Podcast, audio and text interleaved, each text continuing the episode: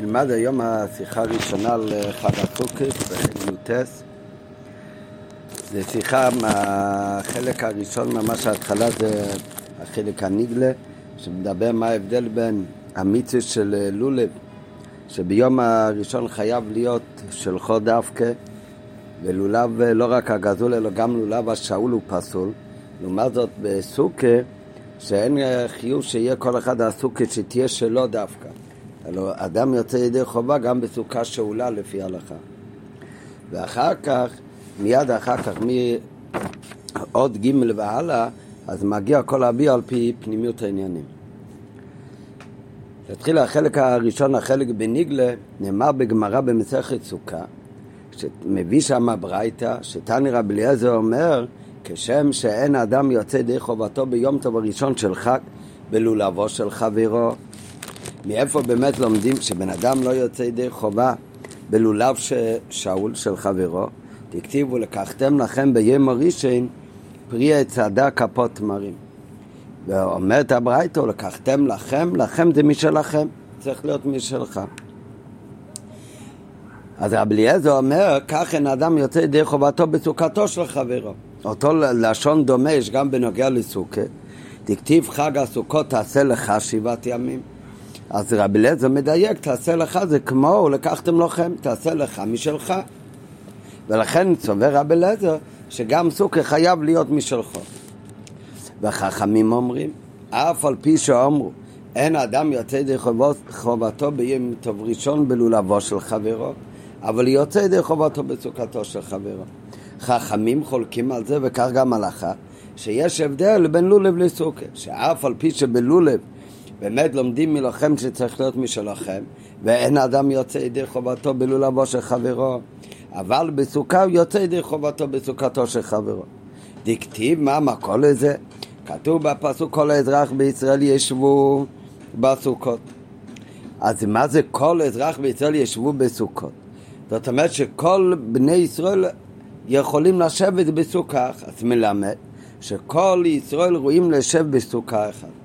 אז אם כל ישראל ראויים לשבת בסוכה אחת, אז יוצא מכאן שבן אדם יוצא ידי חובתו בסוכתו של חברו. איך, מה בדיוק הלימוד? שכל האזרח בישראל ישו בסוכה, שכל ישראל יושבים באותו סוכה, שמכאן לומדים שלא חייב להיות שלו, אלא אפילו בסוכה שאולי יוצא ידי חובה. אולי באמת זה, כולם יכולים לשבת בסוכה אחת, אם הסוכה תהיה שייכת לכל אחד. אז בזה עצמו יש כמה הסברים איך ללמוד את הלימוד. רש"י מסביר בגמרא, רש"י אומר שראו עם כל ישראל לאיש בסוכה סכנה אחד אחרי השני. ומכיוון שכולם ישבו באותו סוכה, הרי לא יכול להיות שזה סוכה של כולם, כי אם ככה זה לא, לא יהיה סוכה של אף אחד, מכיוון שלא יהיה בסוכה בכלל שווי פרוטה, אם מחלקים את זה בין כל עם ישראל. אז לא נשאר לאף אחד מזה שווי פרוטה. כמה כבר יוצא אם מחלקים את הסוכה בשווי שלה לכל ישראל. אלא מה הפירוש שרואים מישראל לכל ישראל? לשם בסוכה אח זה אחד אחרי השני. אז זאת אומרת זה חי... שייך לאחד, רק באותו סוכה יושב עוד אחד ועוד אחד ועוד אחד. כולם יכולים לשבת באותו סוכה. סימן שגם סוכה שאולה, וזה לא של חום ממש, אז גם כן יוצאים ידי חובה. כך אומר רש"י שם. רבנון, היי לכו מידע שבי. אז מה לפי חכמים? אז מה הם באמת לומדים מהדיוק? חג הסוכות תעשה לך, מה זה המילה לך? הוא הרי לא לומד משלך, אז הוא לומד מזה מבואל ללימוד גזולה. לפי חכמים, מהלכו זה בא להגיד שלא יוצאים בסוכה גזולה. אבל שהוא לא כתיב כל העזרה. אז זה לפי חכם. לפי חכם, אם אני משמש גם בלימוד של כל העזרך בישראל ישבו בסוכת, שמזה הם לומדים שכל ישראל רואים לאיש בסוכה אחת, והוא לומד גם את הפסוק חג הסוכת תעשה לכו משלך. לכו משלך לחכמים זה לא בא למעט את השאול. אם בן אדם משאיל את הסוכה מהשני, הוא מבקש ממנו רשות לאכול בסוכה שלו, בזה הוא כן יוצא ידי חובה. זה לא צריך לתת את הסוכה במתון על מנת להחזיר כמו בלולב, לדעת חכמים. ומאיפה, אז את זה הוא לומד מכל האזרח בישראל יש בסוכה, שכולם יכולים לשבת באותו סוכה. באופן של שאולו. לעומת זאת, לדעתך, מה הוא לומד מהפסוק חג עסוק יסתעשה לכו, שלכו זה בא הרי למעט, שאי אפשר לשבת בסוכה לא שלך, אז חכמים אומרים, הלכו זה בא למעט סך הכל את סוכה הגזולה. וכבר דנים על זה במפורשים שסוכה גדולה הרי בכל מקרה פסול בגלל מצווה בו בעבירה אבל אין כאן מקומו. אבל כך לומדים חכמים לכל זה בא למעט את הגזולה שזה בכלל לא שלך. אתה לוקח את זה נגד רצונו של הבן אדם וזה לא יוצאים מידי חובה. מצד שני בשאולו שכל אזרח בישראל ראויים לאיש בסוכו אחת אבל בזה כן יוצאים מידי חובה. וכך הלכה, הלכה נקבע כדעת חכם שלמרות שאין יוצאים ביום טוב ראשון של חג הסוכות ידי חובה בארבעת המינים, בארבע מינים שאולים, שבאמת ההלכה היא שהרי אף על פי שבמיציס לולב, אז לולב השאול זה לא מספיק ביום הראשון, הוא לא יוצא ידי חובה, מכיוון ששם באמת הוא לקחתם לכם, צריך להיות מי שלכם ממש, לא מספיק ששאלת את זה ולא גזלת את זה, אלא צריך להיות ממש שלך, משום שבאינון לוחם בכל זאת לגבי סוכה הדין הוא שונה, ואפשר לצאת ידי חובה גם במצווה של סוכה שאולה. מה באמת הביר? יש כאן מחלוקת בין רבי אליעזר לבין אה, חכם. רבי אליעזר אומר גם סוכו, לומדים חג הסוכי ססה לכו. רבי אליעזר לא אומר שלכו זה בא למד רק זולה, לא, אומר זה בא למד גם שאולה. צריך להיות מש... ממש משלכו. ולכן אומר רבי אליעזר שסוכה שאולה פסולה. לעומת זאת, חכמים, יש להם לימוד מעוד פסוק, מכל האזרח בישראל ישו בסוכס. אז מזה לומדים ששולה הוא כן כשר. אבל בזה גופה אפשר להבין את זה בשתי אופנים. מה הכוונה של חכמים? האם לדעת חכמים הפירוש הוא בסוכה אין צורך שיהיה משלו? או שבסוכה גם שאול גם נחשב לשלו? אז יש שש אופנים איך להסתכל על הדין הזה. בנוגע ללולב, התורה הקפידה שיש שלך, ומה הפירוש שלך? לא, לא רק שלא גזול, אלא גם לא שאול, זה צריך להיות שלך ממש. זה צריך להיות ממש הקניין שלך, שאתה הבעלים, הבלעדים של הלולב עכשיו. בנוגע לסוכר, רבי אליעזר סובר שאותו דבר. לומד את זה מהחג הסוכיסטה אצלך. מגיעים חכמים וחולקים על רבי אליעזר בגלל הפסוק כל האזרח בישראל. השאלה רק מה בא להגיד לי הפסוק כל האזרח בישראל. האם הוא בא להגיד שבאמת בסוכה לא צריך שיהיה שלך, רק צריך שהוא לא יהיה גזול. או שהפסוק כל האזרח בישראל וגם סוכה שאולה כשרה, האם הפסוק הזה בא לגלות שלעניין סוכה באמת שאול גם נחשב לשלו. ואז צריך באמת להבין מה באמת ההבדל, למה בלולב שאול לא נחשב לשלו, ובנוגע לסוכה זה כן נחשב לשלו. אבל עדיין גם חכמים יסכימו שמשלכו, נכון, להלוך למעט זה בא למעט את השאול. אבל הרי בתורה כתוב חג הסוכה תעשה לכו. אלא מה, הפסוק כל העזר בישראל זה בא לגלות שלעניין סוכה השאול הוא גם מספיק לחשב לשלכו ורק גזול הוא אסור. או שאנחנו אומרים לו שיש פסוק שלכו אם היה כתוב רק הפסוק שלך הייתי חושב שצריך להיות ממש שלך הפסוק כל העזר בישראל הוא בא לגלות שבאמת אין, אין צורך שהוא יהיה שלך והשאול לא נחשב לשלך אה, אם ככה, למה כתוב בתורה שחג הסוג קצת לכו? זה בא למעט רק את הגוזר. אז יש אופנים איך לראות. במבט הראשון משמע שהסיבה שלדברי חכמים יוצאים ידי חובה בסוכה שאולה כי מהפסוק כל העזר בישראל מזה לומדים שכל ישראל רואים לשבת בסוכה אחת וזה מגלה לי שהפסוק תעשה לכו בסוכה זה לא הכוונה שבאמת הסוכה צריכה להיות שלך כמו בלוחם בלולב. אלא הלכו זה בא למעט רק דבר ספציפי, עניין מיוחד, שזה בא למעט שאסור לך לשבת בסוכה גזולה. אבל לא שבאמת צריך להיות שלך. כך לומדים בפשוט, שבלולב צריך להיות שלך, בסוכה לא צריך להיות שלך. כי כתוב כל האזרח בישראל, איי כתוב לך בכל זאת בסוכס, אז זה לבעל למעט את הגזול, אבל באמת אין צורך שיש שלך. אבל מצביע, מביא הרב מדייק בלשון של האדמה זקן, שזה לא הפירוש ב... אלתרעב לא לומד ככה בדברי חכמים. אלתרעב לומד שגם סוכה צריך להיות שלך. אלא מה? שבסוכה גם השאול הוא גם נחשב לשלך. זה מה שמגלה הפסוק כל עזר בישראל. לא שהפסוק בא לגלות שאין צורך בשלך בסוכה, אלא הפסוק בא לגלות שגם שול נחשב לשלך. אבל האדמה זה כן אומר בשכונו, אף על פי שאמרה התורה, חג הסוכי תעשה לך משלך, כלימה, שתהא הסוכי שלך ולא של חברך. אף על פי כן, יצא אדם ידי חובתו בסוכה שאולה, וכיוון שנכנס לה ברשות, הרי היא כשלו. ולא נאמר לך משלך, אלא להוציא את הגזול.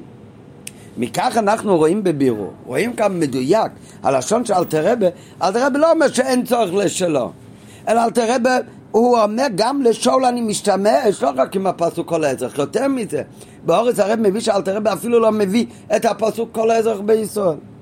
הוא מביא כאן רק את הפסוק בחג הסוג סטאצה לכו. רק הוא מסביר שבאמת צריך להיות שלך, אבל מכיוון שהוא נכנס ברשות של חבר, אז אכן זה נחשב לשלו. והמיעוט של המילה שלך זה לבא למעט רק את הגזול. מזה אנחנו רואים בברור, שגם לגבי סוכה אנחנו לומדים מן המילה לך שצריך להיות שלך. למרות זאת, אפשר לצאת ידי חובת המצווה על ידי סוכה שולה, מפני שהשולה היא כשלו.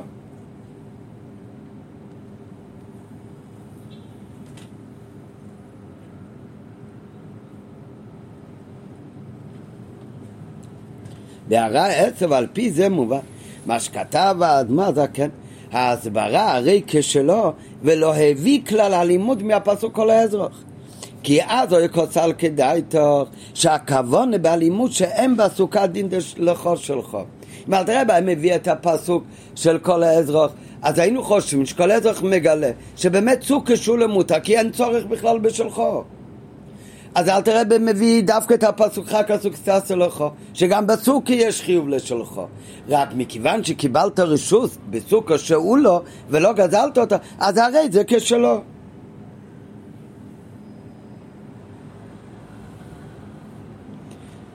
רק השאלה, אם התורה גילתה כבר ששאול גם זה נחשב לשלו, אז למה באמת לולב נשאר פסול בלולב השאול? למה בלולב חייב להיות שלו ממש? ולכן מי שאין לו לולב ביום הראשון, זה שאני ייתן לו את זה לא בהשאלה, אלא חייב לתת לו את זה בתור מתונה. כי חייב להיות שלו ממש.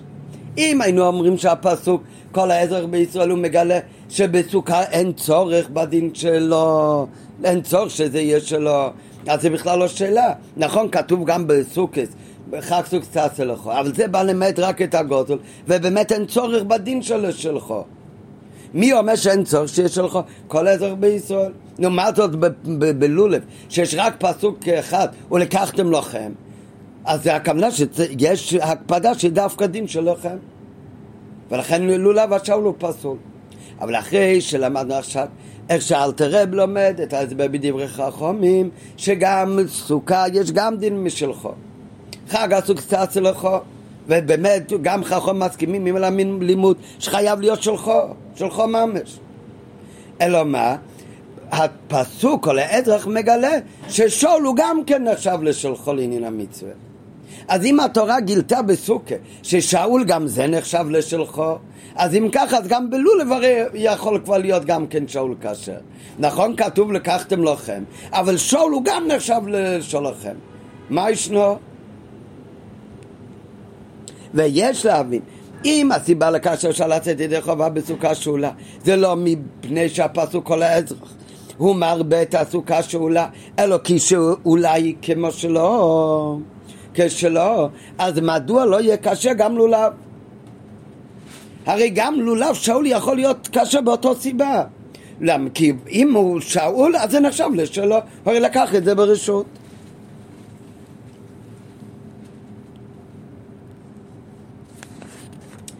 בפשוט היינו יכולים להגיד שזה לא כל כך קשה. היינו יכולים להגיד שיש כמה דרגות בשלו. יש דבר שהוא לגמרי לא שלך. יש דבר אם בן אדם גוזל משהו זה לגמרי לא שלו, אין לו שום קשר, השני אפילו לא נתן לו רשות שזה יהיה אצלו. אחר כך יש משהו שכבר יותר נחשב לשלו. זה דבר שנמצא אצלי, הוא באמת לא שלי בדיני קניין, לא קניתי אותו, או אני לא יכול למכור אותו, לא קיבלתי אותו גם במתנה, אבל מישהו השאיל לי את זה להשתמש בו. אז עכשיו לשימוש זה מותר לי, אז עכשיו זה קצת שלי. לעניין השתמשות זה עכשיו שלי הרי. הבן אדם נתן לי רשות.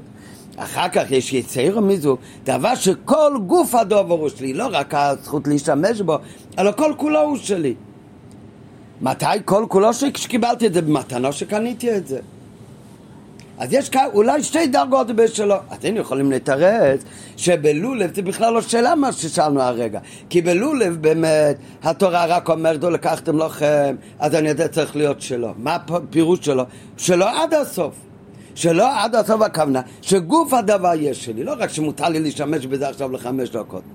מתי גוף הדבר שלי? שקיבלתי את זה, שקניתי את זה. לעומת זאת בסוכה, ששם יש גם כן פסוק לך. יש אבל גם פסוק כל האזרח בישראל. הפסוק כל האזרח בישראל, הוא מגלה לי ש... נכון שגם בסוכה צריך להיות שלך. לא שכל האזרח מגלה שאין צורך בלכו. אלא באמת בצד השני, כמו שלמדנו באות א', כמו שאל תראה במדייק, הרי הוא כשלי. באמת צריך להיות כשלי. אבל ההגדרה כשלי כאן זה ההגדרה החלשה של שלו. מספיק שלא כזה שזה זכות השתמשות. כמו גם בקניונים, יש קניון גוף, יש קניון לפרץ, יש כמה דרגות עד כמה הדבר הוא שלו. אז אולי באמת גם בסוכה, על פי אל תראה באמת היה כל חג הסוכסת שלך משלכו, גם כאן יש דין משלכו, אבל הגדר שמשלכו שמצריך בסוכה הוא לא הגדר שלך שמצריך בארבע זמינים. כשהתורה אומרת רק לכו או לכם, כמו בלקחתם לכם, אז הכוונה צריך להיות עד הסוף שלכם. זו הגדרה חמורה משלכו.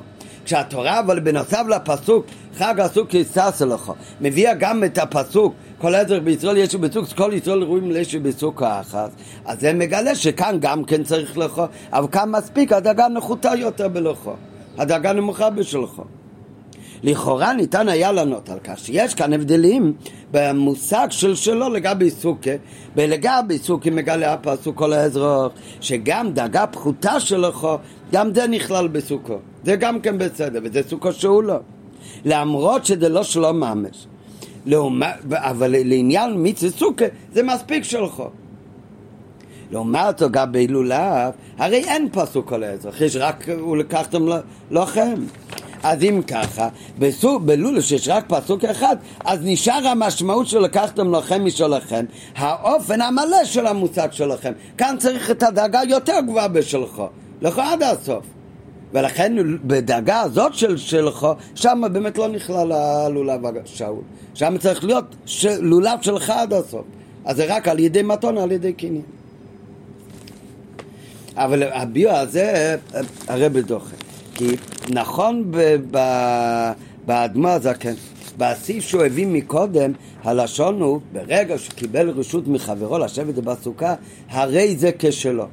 אז היינו יכולים להגיד, זה כשלו, אבל זה לא כמו שלא ממש מה שצריך הגדר של שלו כמו בלולב. אבל בסעיף מאוחר יותר, אז שמה מביא לאדמה זקן את הלשון שבסוכו שהוא לו, הרי כשלו ממש. זאת אומרת שהסוכה שולה מכיוון שהוא קיבל רשות. אז זה נחשב על פי ההלכה שלא ממש עם כל החומרת שלה שלו שצריך להיות. זה אין לו כאן את החצי גדר משלו, דרגה נמוכה משלו. זה הרי הדגשה, הרי הוא כשלי ממש. הלשון שם באדמו הזקן, בהמשך הסעיף, אז מביא בשיחה מלשונו של אדמו הזקן, בסעיף מאוחר יותר, מובן שסוכה שאולה היא שלו ממש. לא שיש כאן רק חלק משלות, התורה גילתה שהשלו בסוכה הוא פחות מהשלו שצריך להיות בלולב. הלשון הוא, ואף על פי שבדיעב יוצא בסוכה גזולה עומדת בקרקע, מכל מקום, לכתחילה אין לישב בסוכה עומדת בקרקע של חברו, מפני שאינה נקראת שלו ממש. והתורה אמרה תעשה לך משלך, ואינו דומה לשאלה ממש. שהשאילה לו מדעתו, והרי כשלו ממש. גם בסוכה גזולה, אז יש הבדל בשוכנוך אם הבן אדם גדל את העצים, או שיש סוכה שעומדת בקרקע של חברו והוא נכנס לרשות של החבר בלי רשות, והרי קרקע אינו נגזלת, אז הוא לא גזל כאן משהו ממשי. אז מי שנכנס לחצר של השני ויושב ואוכל שם בסוכה בלי רשות, אז הוא באמת יצא ידי חובה. אף פי שאסור להיכנס לחצר של, של חברו בלי רשות. אבל זה, זה סוג של סוג הגזולו שהוא גם יוצא ידי חובה. מה, אבל עד מה זה כן? הוא יוצא רק בדיעבד. זה בדיעבד יוצא ידי חובה. אבל לכתחילה אסור לו לשבת בכזאת סוכה. למה באמת? הוא לא גזל את הסוכה, לא לקח כאשר... אלא מה, יש סוכה של החבר, הוא נכנס לשבת שם. למה באמת? למה זה רק בדיעבד? אומרת מה זה כן? כי הרי התורה אומרת תעשה לכו וצריך להיות משלך והסוכה הזאת היא לא שלך מה זה שונה מסוכה שהוא לא? הוא עושה את אותו דבר, הוא נכנס לחצר של השני ויושב בסוכה של השני רק הוא קיבל רשות אז זה אומר, מכיוון שהשני השאיל את זה מדעתו, שמה זה הרי כשלא ממש. אם הוא נכנס ואוכל בסוכה של השני בלי רשות, אז זה לא גזול. אז זה גם יכול להיות שלו, אבל זה לא כשלו ממש. אז לכתחילה אסור לו לשבת שם. לעומת זאת, במה שהוא משיל מהחבר, אז בזה מלכתחילה הוא יושב שם. למה? אומר אדמה כן, כי זה כשלו ממש, מוסיף אדמה כן את המילה ממש. מזה אנחנו רואים. שסוכה שאולה, מה שיוצאים מידי חבר, וסוכה שאולה זה הרי אפילו לכתחילה, זה לא מפני שבסוכה שאולה בסוכה לא צריך שלי ממש כמו בלולב, אלא מספיק גם חצי שלי. אלא אומרים שבסוכה שאולה זה שלי ממש. ואם ככה חוזרת השאלה, שאם אחרי שהתורה גילתה כבר שבמצווה מסוכה על ידי הפסוק, מאיפה באמת אני יודע את זה אולי באמת מהפסוק כל האזרח בישראל, אבל אחרי שהתורה גילתה שלעניין מצווה השול הוא כשלוי ולא סתם כשלוי, אלא כשלוי ממש, אז אם ככה גם בלולב כבר השול יכול להיות כשלוי ואפילו כשלוי ממש. אז חוזרת השאלה, אז למה באבא מינים לא יוצאים מדי חובה בלוחם?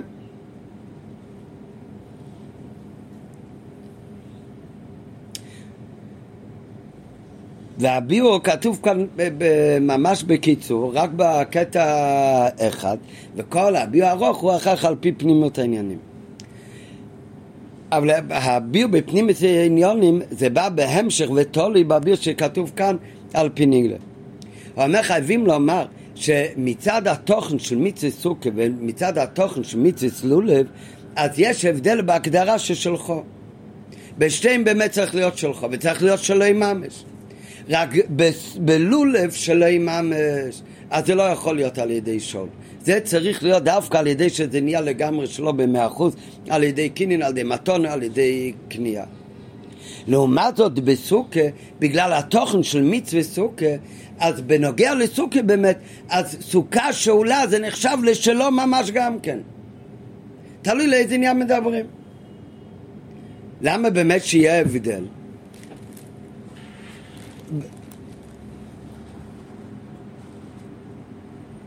ההבדל הוא מצד התוכן של המצווה. המצווה של ישיבה בסוכה הרי שהסוכה צריך להיות תשבו כאין תודורו.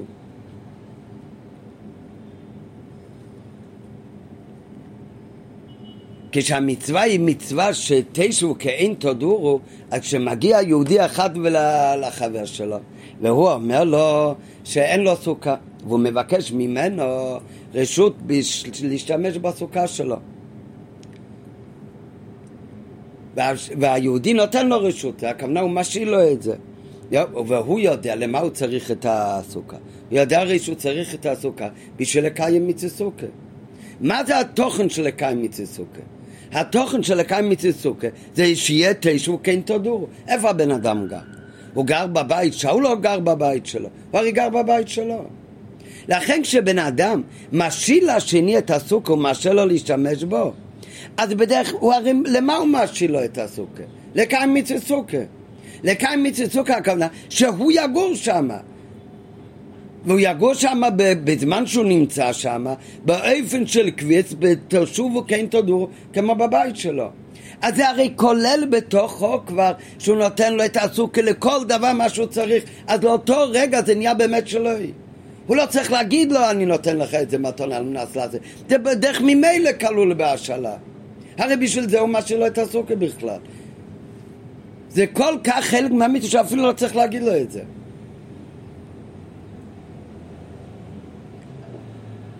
בארבע מינים, זה לא התוכן של מצווה. התוכן של המצווה זה לא שזה יהיה שלו. התוכן של המצווה זה לקחת פרי צודו, יש דינים של האתרוג, וצריך לקחת לולב, וצריך לקחת ארבע מינים. יש פרט, אחד מכל הפרטים שיש בדיני ארבע מינים. אז יש פרט אחד בהלכה שיש גם תנאי במצווה הזאת. התנאי, כמו עוד אחד מהתנאים, זה תנאי לעיכוב ובאמת, זה תנאי במצווה שצריך להיות לכם. אבל לא זה כל התכן של המצווה שזה שלו. במצווה ישיבה בסוכה זה הרי בסוכה תשע ותשע כן תודור שיגור שם. זה התוכן של המצווה. איפה הוא גר אצלו?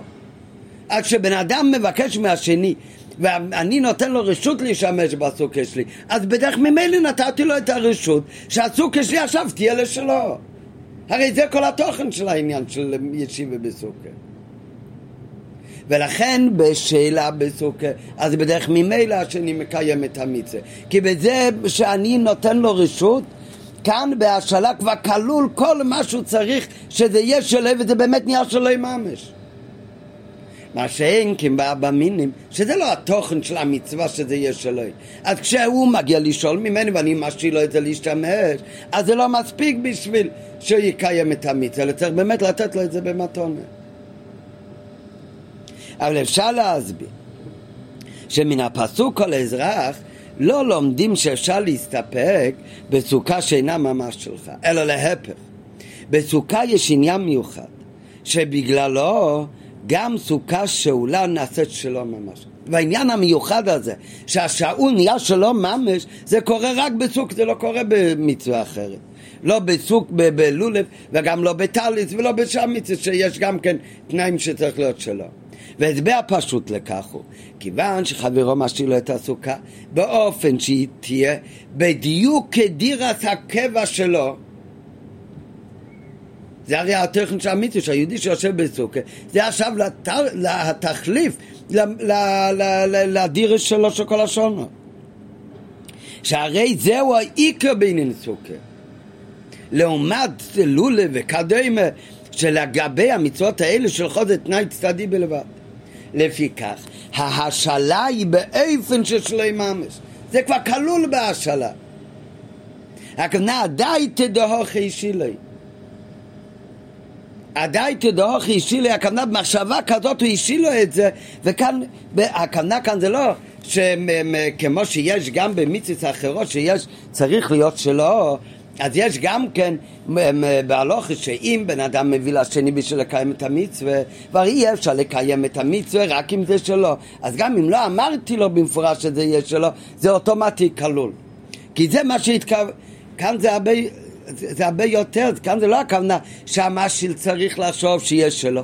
רק גם אם הוא לא אמר את זה, אז זה עדיין תדעוכה.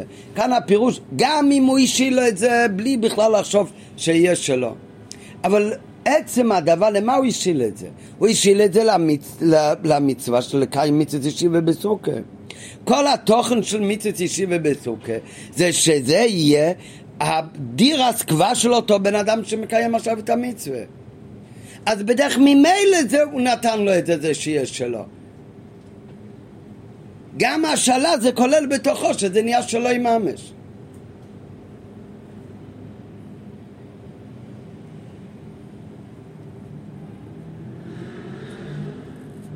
מה שאין כן בשעה מצווה. מה זה אומר מה שאין כן בשעה מצווה? בנוגע לטלית, אז יש גם טלית בשאולה שפטורה מציציס, יש בזה כמה פרטים. אז אם בן אדם משאיר לשני את הטלית, אז האם הוא מברך עליו או לא מברך, או, או לא מברך על זה. אז מביא, מביא, מביא בזה. עד מה זה כן, שזה תלוי. אם בן אדם לוקח את הטלית מהשני, האם הוא מותר לו לברך, או, שה, או שהוא חייב לברך, יש בזה הרבה פרטים שם בשולחן אורוך. אורוך יש כמה פרטים בנוגע לטלי שאולי מברכים עליו או לא מברכים עליו.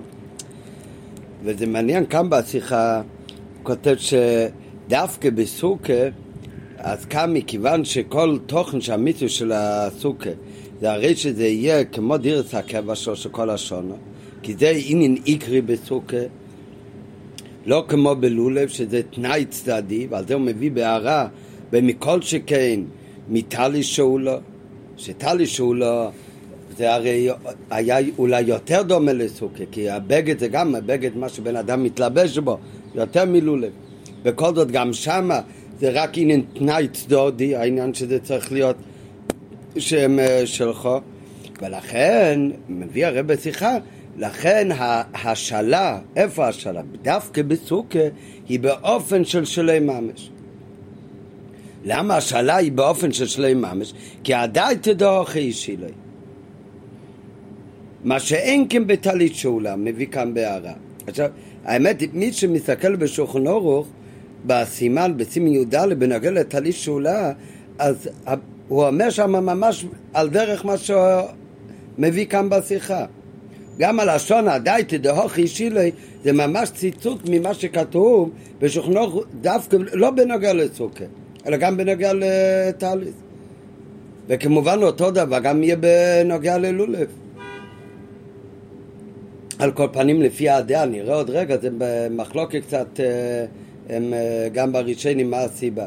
ולכן גם כן במבצע אם בן אדם הלך וזיכה יהודי בארבע מינים ביום ראשון של סוכות ומביא לו ארבע מינים והוא מברך אז מה הוא, והוא לא אמר לו מתון על מנס להחזיר ואם הוא אמר לו, הרי הבן אדם השני בכלל לא מבין מה הוא אומר לו, מתון על מנס להחזיר הוא מביא לו ארבע מינים, שיברך ויחזיר לו אלא מה? אז, אז הוא לא קיים את המצווה, חס וחלילה.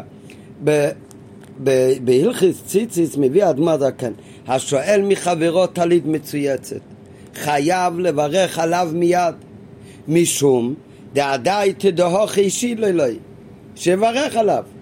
וכיוון שיש השיבורך ברוכה מחויבת על טלי שאולו, כי הרי צריך אפשר לברך רק על טלי שהיא שלו, לכן ענן סעדה דניסכוון המשיל בלושן המועיל.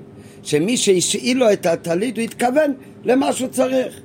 ואם אי אפשר לו לברך עליו אלא אם כן היא שלו. ואם יש לו לברך על טלית רק כשהטלית הופכת להיות שלו הרי היא שלו במתון על מנס להחזיר אז נכון אמרתי בבית כנסת תיקח את הטלית אני משאיר לך אותו לתפילה אבל הרי התכוונתי שהבן אדם מקיים מיציס טלי שיוכל לברך אז הוא לא אמר מתונה למנס להחזיר, זה כאילו אמר לו מתונה למנס להחזיר. על דס כן אישי לו, זה ממש הלשון באדמה זקן. כאן, אבל הוא הרי לא, לא רוצה להגיד ככה, כאן אדרבה, הוא אומר שזה עניין שיש דווקא בסוכה. מכיוון שבסוכה זה התכן שהבן אדם יושב בבית שלו. ואם זה לא באופן המועיל, אז לא בכלל, אז זה חסר כאן לא תנאי צדדי, אלא זה בכלל העניין של סוכה.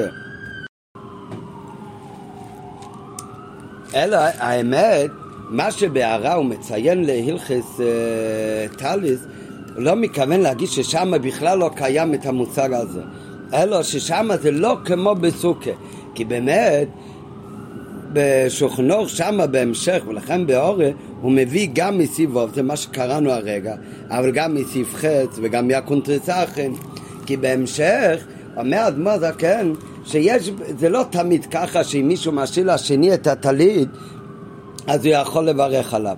לדוגמה, אם בן אדם מגיע ועכשיו אמרנו סליחס והחזנרי מתעטב בטלית והוא לא לוקח את הטלית שלו אז מישהו מביא לו טלית מהבית כנסת אז במקרה כזה הוא אומר לאו דווקא שיברך למה שלא יברך? כי כאן הרי לא נתנו לו את זה בשביל שיקיים את, ה...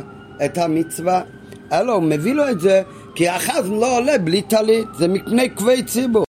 ובמילא אין כאן את העניין של עדי תדוכי שלי. ובקונטס אחנה אדמה זקן מסביר את זה. אז מביא, דבר ראשון, שיש שתי דעות למה בכלל אפשר לברך על טלית שאולה. ול... ואולי זה עוד יותר נוגע למה שאנחנו לומדים כאן. אז הוא מביא בקונטנטר שיש שתי סיבות של למה מברכים על טלית שאולה, שהראש מביא. סיבה אחת, וזה מה שמביא כאן בפנים השולחן ערוך, שמכיוון שאי אפשר לברך רק על טלי שלו, ושיהודי מגיע ומבקש לשאול ממך טלית בשביל לקיים מצווה, אז גם אם אתה נותן לו את זה בהשאלה, אבל הרי אתה משאיר לו את זה כדי שיקיים את המצווה, אז עדיין תדהוך אישי לי, וזה ממש כאילו היה אומר לו במפורש שזה מתונה על מנת להחזיר, הביא לו את זה לכל מה שהוא צריך, כמו שכתב כאן בפנים. זה הסבר אחד מהראש. אבל אחר כך מביא שיש עוד הסבר למה באמת מברכים על טלי שאולו. ההסבר השני, שכל מה שבכלל פטורים בטלי שאולו מציצית, זה הכוונה שמי שמשיל בגד של ארבע קנפס מהחבר שלו בהשאלה, אז הוא פטור מלהטיל על זה ציציס.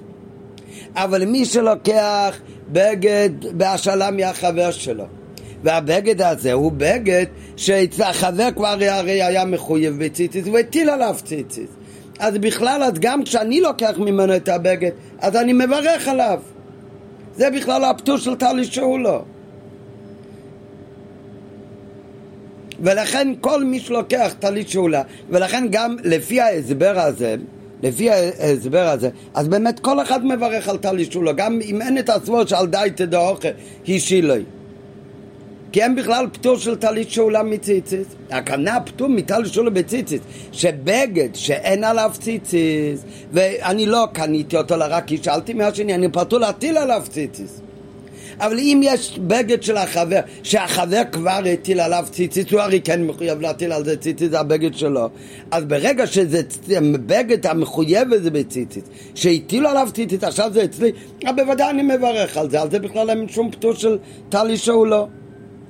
ולכן גם חזן, גם אם החבר הביא לי את זה במפורש אך ורק בשביל כבד הציבור, אני עדיין מברך עליו.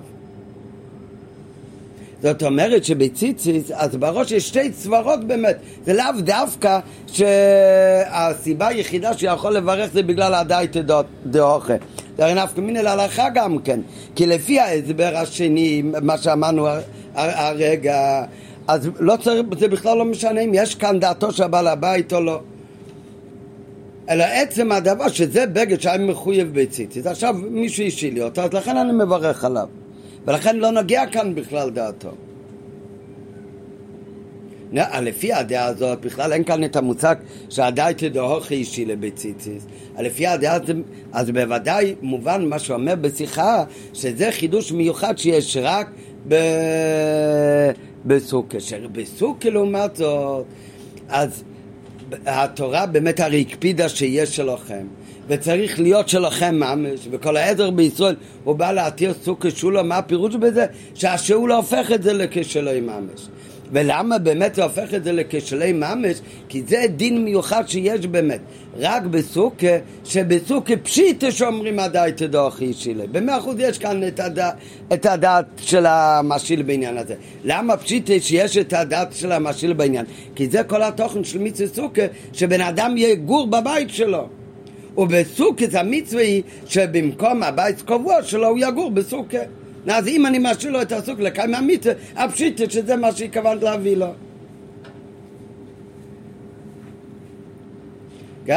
בפנים בשולחנוך, אבל באמת הוא הרי מביא את, את הכל לפי הדעה בראש שבאמת אומר שזה, שגם בציציס הוא מברך, כי גם שם זה בגלל העניין של הדאי תדורכי אישי לי. אז עדיין אבל, בפשטות כאן זה יותר משם, כי בנוגע לציציס אומרים שהכל תלוי בדעת המשיל. ולכן לא תמיד באמת אפשר להגיד על דעת תדורכי אישי לי. כמו שהוא מביא אחר כך, שאם הוא הביא את זה להיות חזן וכיוצא בזה. זאת אומרת, אני לא יודע, לא תמיד אפשר להגיד עדיין תדעו הכי אישי לי. לעומת זאת, בנוגע לסוכה, שזה כל התוכן של סוכה, אז כאן בוודאי תמיד כשבן אדם משיל לשני את הסוכה שלו, אז בוודאי תמיד יש כאן את העניין של עדיין תדורך אישי לי, ולכן הוא מקיים את המצווה, כי זה תמיד הופך להיות לכשלוי ממש. וזה לומדים מהפסוק כל האזרח בישראל. אבל העניין הזה הוא שייך רק בסוכה. למה? כי בסוכה השלוי זה חלק מהמצווה. שונה מציציס ולולה ובכל הדברים, ששם העניין של שלוי זה תנאי צדדי בקיום המצווה. ולכן שם צריך באמת דעתו של בעל הבית. רק השאלה עד כמה צריך דעתו של בעל הבית. לעומת זאת אצלנו בסוג הזה יותר, אצלנו אני לא אומר שהבעל הבית עושה כאן את החשבון, כמו שאלתרבה אומר בשוכנוך בנגע לציציס, שאם הוא יודע הרי שהשני רוצה את זה לברך, ואי אפשר לברך רק אם זה שלי, ולכן כשאני משאיר לו את זה, כל הפלפול הזה, אלא בסוג הזה בדרך ממילא כלול בתוכן של מצווה הסוכה. כי מיצוס הסוכה זה תשע כן תודור. שבן אדם משאיר ממך את הסוכה ואתה משאיר לו את זה, אז זה כבר כולל בתוכו בדרך ממילא את העניין שזה הפך להיות לשלם ממש. זה, אה, כאן זה הביו על פי ניגלה. הארכנו קצת ככה, אני חושב שהביורים... כל אריכות השיחה עכשיו, אבל המשך השיחה זה הכל על פי פנימיות העניינים. שלפי התוכן של, יש הבדל בתוכן של מיצי סוכה לבין התוכן של מיצי סלולב, שבמיצי סוכה בדרך ממילא השאול וגם שהחבר זה הופך להיות של חום ממש. לעומת זאת במיצי סלולב, שם השאול הוא לא גזול, אבל ביחד עם זה, זה לא הופך להיות לשל חום ממש. אבל להביע בפנים עניונים זה הכל בא בהמשך להביע בניגלה. כי גם על פי פנים מצינם רוצה להסביר שבשתיהם צריך להיות שלך. הלולב צריך להיות שלך וגם הסוכר צריך להיות שלך. ההבדל הוא רק שהלולב של החבר שלך, גם אם הוא שאול אצלך, הוא לא יכול להפוך להיות לשלך ממש, מה שאין כן הסוכר של החבר שלך, אז אם הוא משאיר לך זה באמת הופך להיות לשלך ממש.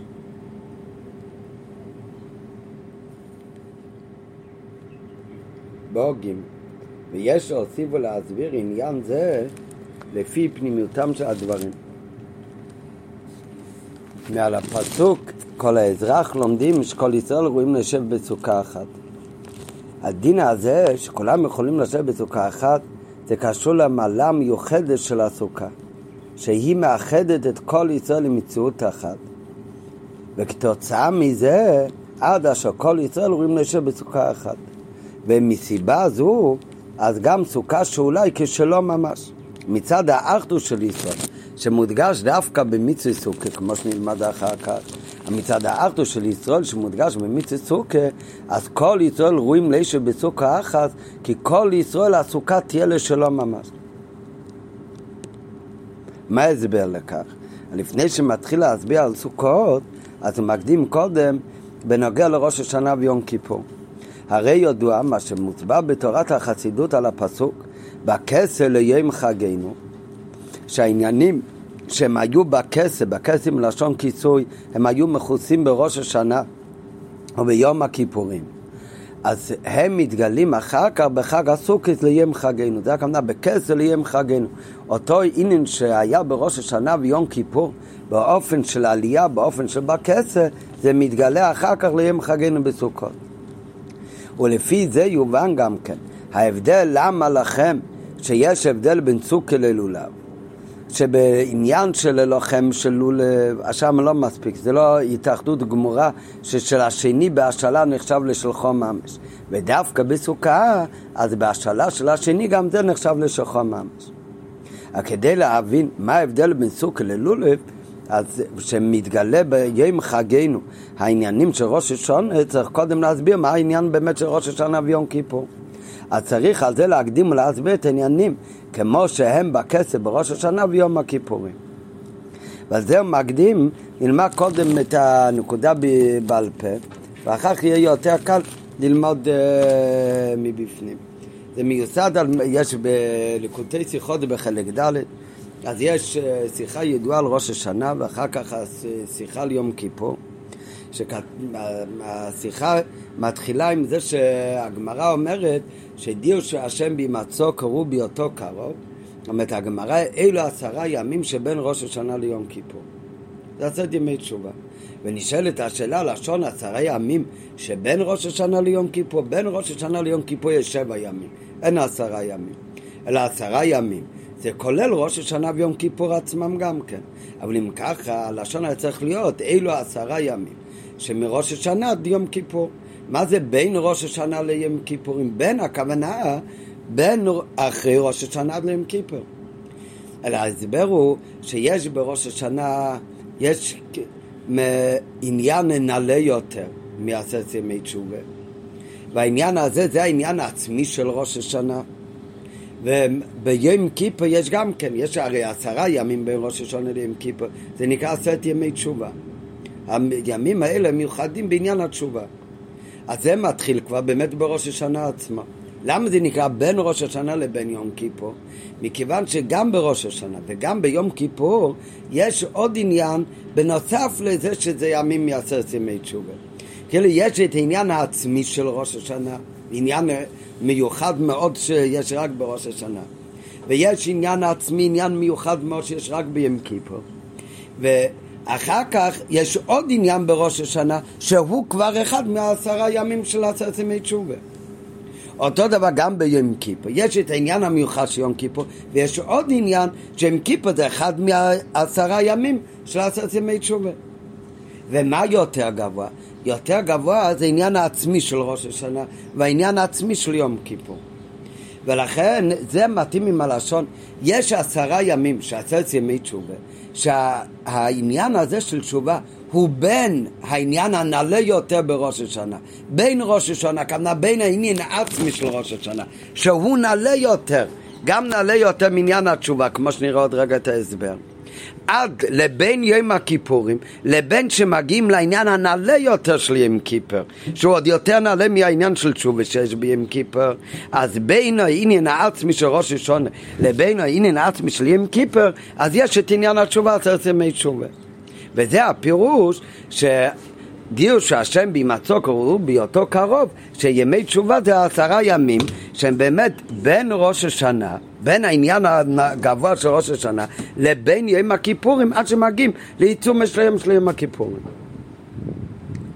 כדי להסביר את זה, אז מביא שמה בשיחה, וזה גם מה שמביא כאן אצלנו, שבעצם גם בראש השנה וגם ביום כיפר יש לא שתי עניינים, אלא יש שלושה עניינים. בראש השנה אז יש עניין אחד, מה שכתוב שהקדוש ברוך הוא אומר לבני ישראל, אמרו לפניי מלכויות כדי שתמניחוני עליכם. שהקדוש ברוך הוא כביכול מבקש מבני ישראל שהם יגידו מלכיוס, יגידו פסוקי מלכיוס ויבקשו מלך על כל אלה ומכל בכבדיך כדי שתמניחוני עליכם ובזה ממניחים, ממניחים כביכול את הקדוש ברוך הוא בעולם. על פי חסידות זה מוסבר אה, יותר שכל חיות העולמות זה נמשך מספירת המלכוס, ממלכוסו של הקודש ברוך הוא. והקודש ברוך הוא ממשיך את החיות לכל שנה כביכול רק לשנה אחת ובש... כי... וכי כך עלה ברצונו של הקודש ברוך הוא שזה יומשך תמיד על ידי אבדת הנברואים ושנה הבאה בני ישראל הם אלה שימשיכו ויבקשו עוד הפעם להמשיך את המלכוס באלה וזה הכוונה הכתרת מלכות של הקודש ברוך הוא בעולם אבל העניין הוא שהקדוש ברוך הוא אומר שבני ישראל הם אלה שעל ידי שאימרו לפוני מלכיס תמליכוני עליכם הם ממליכים ומכתירים את הקדוש ברוך הוא למלך זה עניין אחד שיש בראש השנה אחר כך יש עוד עניין של ראש השנה, שראש השנה זה יום הראשון של עשרת ימי תשובה. זה עניין עבודת התשובה שמתחיל כבר מראש השנה. עבודת התשובה היא יפה בלשון הרמב"ם כל השנה כולה, אבל במיוחד בימים האלה בעצרת ימי תשובה. אז ראש השנה זה גם עניין מיוחד של ראש השנה, שהוא הראשון בהתחלה של ימי התשובה. אחר כך יש עניין שלישי בראש השנה, כמו בכל יום טבעי יש את המצוות של החג, כמו בפסח יש מצווה של אכילת מצה, בסוכת יש מצווה לשבת בסוכה, כל יום טבעי יש את המצוות הפרטיות שלו. אז יש גם בראש השנה מצווה, שמצווה סיים בשופר, זה לתקוע בשופר. בשיחה שם בחלק ד' הוא אומר שכל השלוש דברים מרומזים. וכלולים גם במצווה סיים של שפר, אבל לא ניכנס עכשיו מה יותר מדי לשיחה שמה, אבל הנקודה זה שיש בראש השנה שלוש עניינים. זה שביום הזה אומר הקדוש ברוך הוא, אמרו לפני מלכות כדי שתמניחוני עליכם, זה שזה אבדת השובה בראש השנה, וקיום המצווה של ראש השנה, כמו כל המצווה. אותו דבר גם ביום כיפר, יש גם כן של... שלוש עניינים. ביום כיפר יש עניין מיוחד ביום כיפר, שזה עיצומו של יום מכפר. כשמגיע יום כיפר, אז עצם היום של יום הכיפורים הוא כבר מכפר, כי ביום הזה יכפר לך. נכון שיש על זה מחלוקת, האם יום כיפור מכפר גם אם לא עושים תשובה, וההלכה היא שאין יום כיפור מכפר אלא לשוב אם צריך לעשות תשובה. אבל בכל זאת, הלשון ברמב"ם הוא שיום כיפור שעיצומו של יום מכפר רק לשבים. זאת אומרת, גם לפי ההלכה, שצריך לעשות תשובה ביום כיפור כדי שיהיה כפרה, אבל הכפרה היא לא רק על ידי התשובה, אלא יש כאן עניין מיוחד שעיצומו של יום מכפר מאיר משהו ביום כיפור, שעצם הדבר, היום של יום כיפור, ההתגלות של יום כיפור, זה עצמו גורם כפרה. בלי קשר ליהודי שעושה תשובה או לא. לכן הרי יש דעה באמת שאומרת שגם בלי תשובה מכפר. רק בפל ההלכה היא שצריך לעשות שוב כדי להיות כלי לעיצום השם מכפר. אבל הכפרה כאן זה לא מיד שוב, זה עניין הרבה יותר נעלה. זה עיצום של יום מכפר ביום הכיפור, ביום הזה. אז זה עצם עניין של יום כיפור. אחר כך יש עוד עניין ביום... זה מקביל לעניין של תמליכוני עליכם שיש בראש השנה. אחר כך יש את העניין של תשובה ביום כיפור, שזה האחרון והשלם של עשרת ימי תשובה. ואחר כך יש את המצווה של יום כיפור, שצריך לצום, חמישה עינויים, לא, לא, לומר וידוי ומצוות תשובה. אז זה, זה כבר מצוות של יום כיפור. גם ביום כיפור יש את השלוש דברים האלה. שלוש דברים האלה זה לא סתם ש, שלוש דברים, יש, הם, אפשר לחלק את זה ליותר לפחות. השלוש דברים האלה שזה מחולק, זה מראה על שלוש אופנים שונ, שונים לגמרי. אחד יותר עמוק מהשני בקשר שיש בין בני ישראל לבין הקודש ברוך הוא.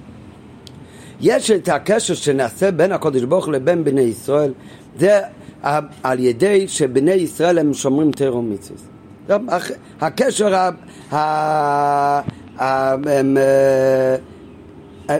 הכי מגיע למעשה בפל, איך יהודי מתחבר לקודש ברוך הוא, אז זה על ידי תירו מצווה, אין דרך אחרת להתחבר לקודש ברוך הוא.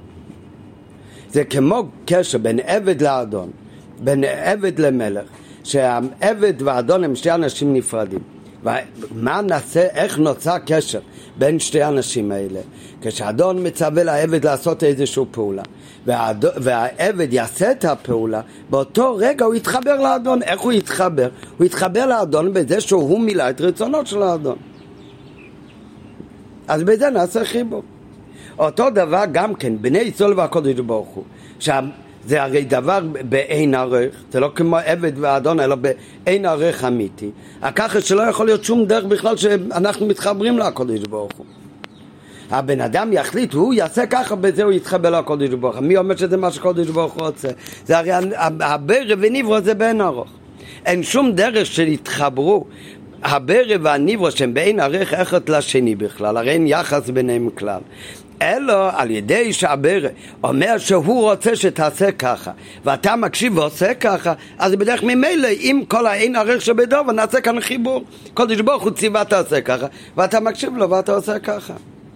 ועל ידי זה בני ישראל נעשים מחוברים לקודש ברוך הוא. וזה הפירוש שישראל על ידי עיר העיסה על ידי התורה מתחברים לקודש ברוך הוא ונעשה כל אחד וזה כמו שכתוב בתניא גם כן, עכשיו למדו בגרס התשובה, שהנשמה של יהודי, אז זה כמו חבל אף שעזור מתרי"ג חבלים, תרי"ג מצווה. ואם יהודי מקיים את המצוות, אז הוא מחובר למקרב ושורשי. אם חס וחלילה יהודי לא מקיים תרום מצווה, אז על ידי זה הוא מתנתק משורשי מקרב. אז זה קשר שיש בין בני ישראל לבין הקודש ברוך הוא, זה קשר שנוצר על ידי פעולה מסוימת, על ידי קיום תרומיצס. אז כאן התרומיצס, זה יוצר את הקשר בין בני ישראל, יש משהו שיוצר את הקשר בין בני ישראל לבין הקודש ברוך הוא. קשר שנוצר על ידי משהו, אז הוא גם יכול להתנתק. אז על ידי הדר בקיום תרומיצס, אז חס וחלילה בזה נעשה גם כן ריחוק וניתוק בין אה, יהודי לבין הקודש ברוך הוא. אז זה הקשר שנוצר על ידי תאומיציס. אחר כך יש קשר שמתבטא בין בני ישראל לבין הקודש ברוך הוא על ידי אבידס התשובה. הקשר שמתגלה בין יהודי לבין הקודש ברוך על ידי עבודת התשובה. זה לא שהבן אדם את הטוב רישיו בייס מצווה הוא לא קיים אבל יש מצווה טוב רישיו ג' לזה הוא כן יקיים הוא יעשה תשובה ואז הוא יתחיל עוד הפעם לעשות מצוות. אלא הקשר שיש בין יהודי לבין הקודש ברוך הוא שמתגלה על ידי עשיית התשובה הוא קשר שונה לגמרי. הרי מה זה נקרא בין אבדת התשובה? עבודת התשובה הכוונה גם בן אדם שהוא במזיד פרק מעצמו אל מלכות שמיים. הוא לא רצה יותר לעבוד את הקודש ברוך הוא לא רצה להיות עבד. הוא פרק אל מלכות שמיים וגם עשה את זה במזיד. בכל זאת אומרים שיהודי יש לו כיח לעשות שובה ועל ידי תשובה מתחבא מחדש לקודש ברוך הוא. מאיפה מגיע הקש, הרצון של היהודי לעשות תשובה עכשיו? מאיפה מגיע לו הרצון לעשות תשובה? הרצון לעשות תשובה, מאיפה זה מגיע? מאותו מקום בנפש, איפה שהוא פרק אל מלכות שמיים. מאותו מקום, איפה שנוגע אביידה של טרו מיצס, הרי ה... במקום הזה הוא הרי התנתק ממקרב ושורשי. שמה בדרגה הזאת, הוא הרי אמר שהוא לא רוצה יותר להיות עבד. אז מאיפה מגיע לו פתאום ההרהורי חרטה והרצון לעשות שובה? הכתוב בכלל זה מגיע ממקום יותר עמוק בנפש. ממקום שאף על פי שיכולתו ישראל הוא. שיהודי יש לו קשר עצמי בין הקודש ברוך הוא. בנוסף לקשר שאמרנו מקודם, שזה קשר שנוצר על ידי מעשים של תיאור מצווה, ומכיוון שזה קשר שנוצר על ידי משהו, אז הוא גם יכול להתנתק על ידי משהו. בנוסף לזה יש עוד קשר בין יהודי לבין הקודש ברוך הוא. קשר עצמי, שלא משנה מה שהוא עשה, הוא תמיד יישאר מחובר לקודש ברוך הוא. וה, והקשר העמוק יותר שיש לכל יהודי, שתמיד הוא מחובר לקודש ברוך הוא בקשר עצמי, לא משנה מה הוא עושה, זה מה שגורם לו גם אחרי שהוא פרק אל מלכות שמיים, פתאום להגיש הרהורי חרטה ורצון אז לחזור לקודש ברוך הוא. זה כמו למשל, אם נגיד, יש בן אדם שהוא עבד, יש עבד בגשמיות, עבד של אדון. והאדון מעביד אותו קשה, ש... והעבד רוצה לברוח ממנו, הוא לא רוצה להיות עבד שלו. נמאס לו מעבודה קשה שהאדון מעביד אותו, והוא ברח ממנו. בסוף בור, יום אחד הוא הצליח להשתחרר מהאדון שלו, הצליח לברוח, פרק לגמרי את עול האדון ממנו, וברח ונהיה חופשי. יום אחד יקבל מכתב שאדון כותב לו שהוא מצווה עליו בכל האזהרות שהוא חייב מיד לחזור. לא, מה העבד יעשה? הוא, הוא מיד יפחד ויחזור. הוא הרי רק חיכה, הוא כבר לא אדון שלו בכלל.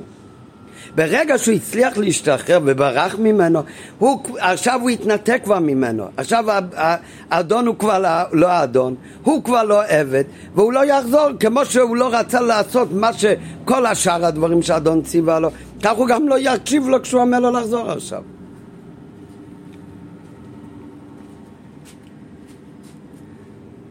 לעומת זאת, מה קורה עם אותו אחד שהוא ברח, הוא עלה, לא היה סתם עבד. הוא לא סתם היה עבד של אדון או עבד מלך, אלא זה בן שברח מאבא שלו. בן שברח מאבא שלו, שגם כן מפני סיבות, הוא חושב שאבא מעביד אותו יותר מדי קשה, הם לא יסתדרו, הוא רב איתו וברח ולא מדבר איתו שנים. וגם אצלו, אבא שלו לא, לא אמר לו, אני מצווה עליך לעזור. העבד הזה, הבן שהוא ברח והתרחק מאבא שלו. יום אחד יכול לקרות שפתאום הבן יתעורר ברצון עז וחשק גדול שהוא רוצה לחזור לאבא שלו. מאיפה זה מגיע? מכיוון שהקשר בין הבן לאבא הוא לא נוצר על ידי הפעולות שהוא צריך לעשות בשביל האבא שלו. זה קשר נפשי, זה קשר עצמי יש לו בינו לבין האבא. ולכן גם אם הוא לא בסדר, והוא באמת, באמת ברח, והם כאילו בחיצוניס ניתקו את הקשר, אבל הרי נשאר כל הזמן עדיין את הקשר הפנימי, הבן הוא נשאר בן גם אם הוא לא, כמו שאמרנו מקודם אצל העבד ואדון. הקשר בין העבד והאדון, הקשר נוצר על ידי משהו, על ידי שהוא מקיים את רצון האדון. קשר שנוצר על ידי משהו, הוא גם יכול להתנתק על ידי משהו. לעומת זאת, הקשר בין אבא ובן, זה לא קשר שנוצר על ידי משהו. זה קשר עצמי, זה מכיוון שהוא מחובר אליו בפנימיוס. מכיוון שהוא הבן שלו, זה עניין הרבה יותר פנימי. אז לכן הקשר הזה, כמו שהוא לא נוצר על ידי שהוא עושה מה שאבא אומר לו, לא זה מה שיצר את הקשר. כך גם כשהוא ברח ולא עושה מה שאבא אומר לו, זה גם לא ניתק את היותו בן. וזה הכוונה ישראל אף על פי שחוטו ישראל הוא. ישראל עלו במחשוב ובונים אתם להווי אלוקיכם. וזה מתגלה בעבודת התשובה של יהודי. שהקשר החיצוני של הנשמה, שהדאגה החיצונית של הנשמה, שהיא מתחברת על ידי קיום תירו מצוות, אז שם היה באמת עניין של פגם, שם יכול להיות עניין של פגם, אבל עדיין יש דאגה יותר, יותר עמוקה בנפש, שזה הקשר הפנימי שיש בין בני ישראל לבין הקודש ברוך הוא. זה מגיע ממקום יותר עמוק בנפש של היהודי, וזה גם מגיע בשורש במקום יותר גבוה באלוקות. וזה הפירוש שתשובה מכפר על כל העוונות. מה הכוונה שתשובה מכפר? איך זה עובד? כשיהודי פוגם, אז הוא פוגם בנשמתו. איפה פוגם בנשמתו? בדרגות החיצוניות שבנשמה שלו, ששם החטאים יכולים לפגום. כשיהודי עושה תשובה, את התשובה של יהודי, אז הוא גילה את החלק הפנימי של הנשמה שלו יותר. ברגע שיתגלה דאגה פנימית בנשמה שלו, אבל בדרך ממילא זה מתקן גם כן בדאגות חיצוניות שבנשמה. ועל דרך זה זה גם כן למעלה, שעל ידי חטאים בן אדם כביכול פוגם בסדר השתלשלוס למעלה, בארבע עצות של שם הוויה. כשיהודי עושה תשובה, הוא מגלה פנים את הנשומת שלו, אז זה גם מגלה למעלה את הדאגה שלפני ארבע עצות של שם הוויה. ומשם נמשך ערך אה, נעלה יותר, וזה יכול לכפר ולתקן את כל הפגמים שפגמו. אז זה לא סתם שאומרים שיש בראש השונה וביום כיפר אז יש כמה דרגות, יש קיום מצווה, כמו מצווה שפע, כך יש עוד עניין שזה נעלה יותר, זה עבד את התשובה. זה נעלה יותר, זה, זה אופן הרבה יותר עמוק ונעלה בהיקשרות בין יהודי לבין הקודש ברוך הוא. ולכן כתוב שעבד את התשובה זה רמז במצווה של קשר, וזה הרבה יותר למעלה ממצווה. מצווה זה הכוונה שיש חיבור שנוצר על ידי מצווה ועל ידי המצווה. יש כאן שני דברים נפרדים, והקשר שלהם נעשה על ידי מצווה. לעומת זאת, את התשובה, זה מגלה את הקשר העצמי שיש בין יהודי לבין הקודש ברוך הוא. כמו בונים אתם להווי אלוקיכם. לכן אומרים בתפילה בראש השנה, אם כבונים, אם כעבודים. אבינו מלכנו, אנחנו גם כן בונים ואנחנו גם כן עבדים. כמובן זה לא כמו ש... הם, אפשר לחשוב חס וחלילה אם ככה, אז מה כל כך חשוב הווידה של תאום מצוות? הרי יש לנו קשר הרבה יותר עמוק עם הקודש ברוך הוא, את הקשר של בונים, שהוא מתגלה בעבודת התשובה. אלא כמובן שזה לא נכון, אותו אחד, אם הוא באמת מגיש את הדאגה שהוא בן לאביו, אז מה, הוא לא יקיים מה שאבא אומר לו? הוא הרי, זה הרבה יותר, אם הוא מגיש רק עבודה של עבד, אז הוא יעשה כל מה שאדון מצווה עליו כמה שחייבים לעשות. אם הוא מגיש באמת שהוא בן לאביו, יש לו קשר עצמי ונפשי עם אבא שלו, אז אם, אם, אם זה באמת נרגש אצלו, אז הוא הרי לא רק יקיים כמה שצריך לעשות, אלא הוא יעשה על כל דבר לפנים מישור הצדדים. כל דבר יעשה בתכליס ההידו והיופי, מכיוון שנרגש לו הדבקוס לאביו, והוא יודע הרי שזה הרצון העצמי של אבא שלו. ככה שזה לא חס וחלילה שאפשר לחשוב בטעות שהם כמו אומרים ליהודי תניח תפילין, הוא אומר אני יהודי בלב. בוודאי הוא צודק, הוא באמת יהודי בלב. אבל מה זה, אם אתה באמת יהודי בלב, אתה צריך להניח תפילין בתכליס ההידור, זה לא סיבה לא להניח. אלא מה, מצד שני, מכיוון שהוא בן, אז גם אם חס וחלילה חוטו ופוגם ועובר הדרך, למה באמת? כי הוא לא רוצה להיות עבד, וכמובן שלא ניגש אצלו זה שהוא בן. אם היה ניגש אצלו שהוא בן, הרי לכתחילה לא היה חוטא. אבל מה, מכיוון שסוף כל סוף יש לו גם את העניין של בן, עניין פנימי יותר, אז זה יכול פתאום להתגלות, וזה דוחף אותו פתאום לחזור בתשובה. אפילו שהוא רצה לפרוק קול, והוא באמת אה, פרק אל מלכות שמיים. אבל בכל זאת, מכיוון שיש לו קשר פנימי יותר, אז הקשר הזה מתעורר, זה אבדת התשובה.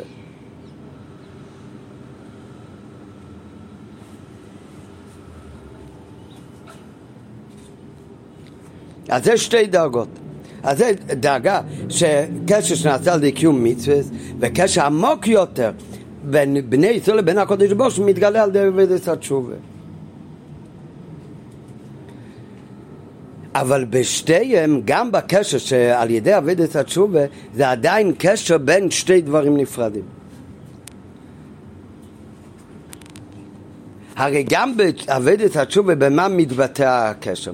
כשמתעורר הקשר הזה, כשזה מתגלה וזה מתעורר, אז במה, במה זה מתבטא? בזה שכואב לו, משהו התרחק על ידי חטאים.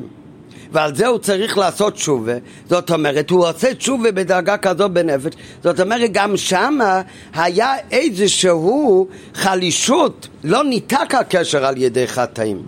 אבל גם שמה חטאים פועלים חלישות בקשר בינו לבין הקודש ברוך הוא.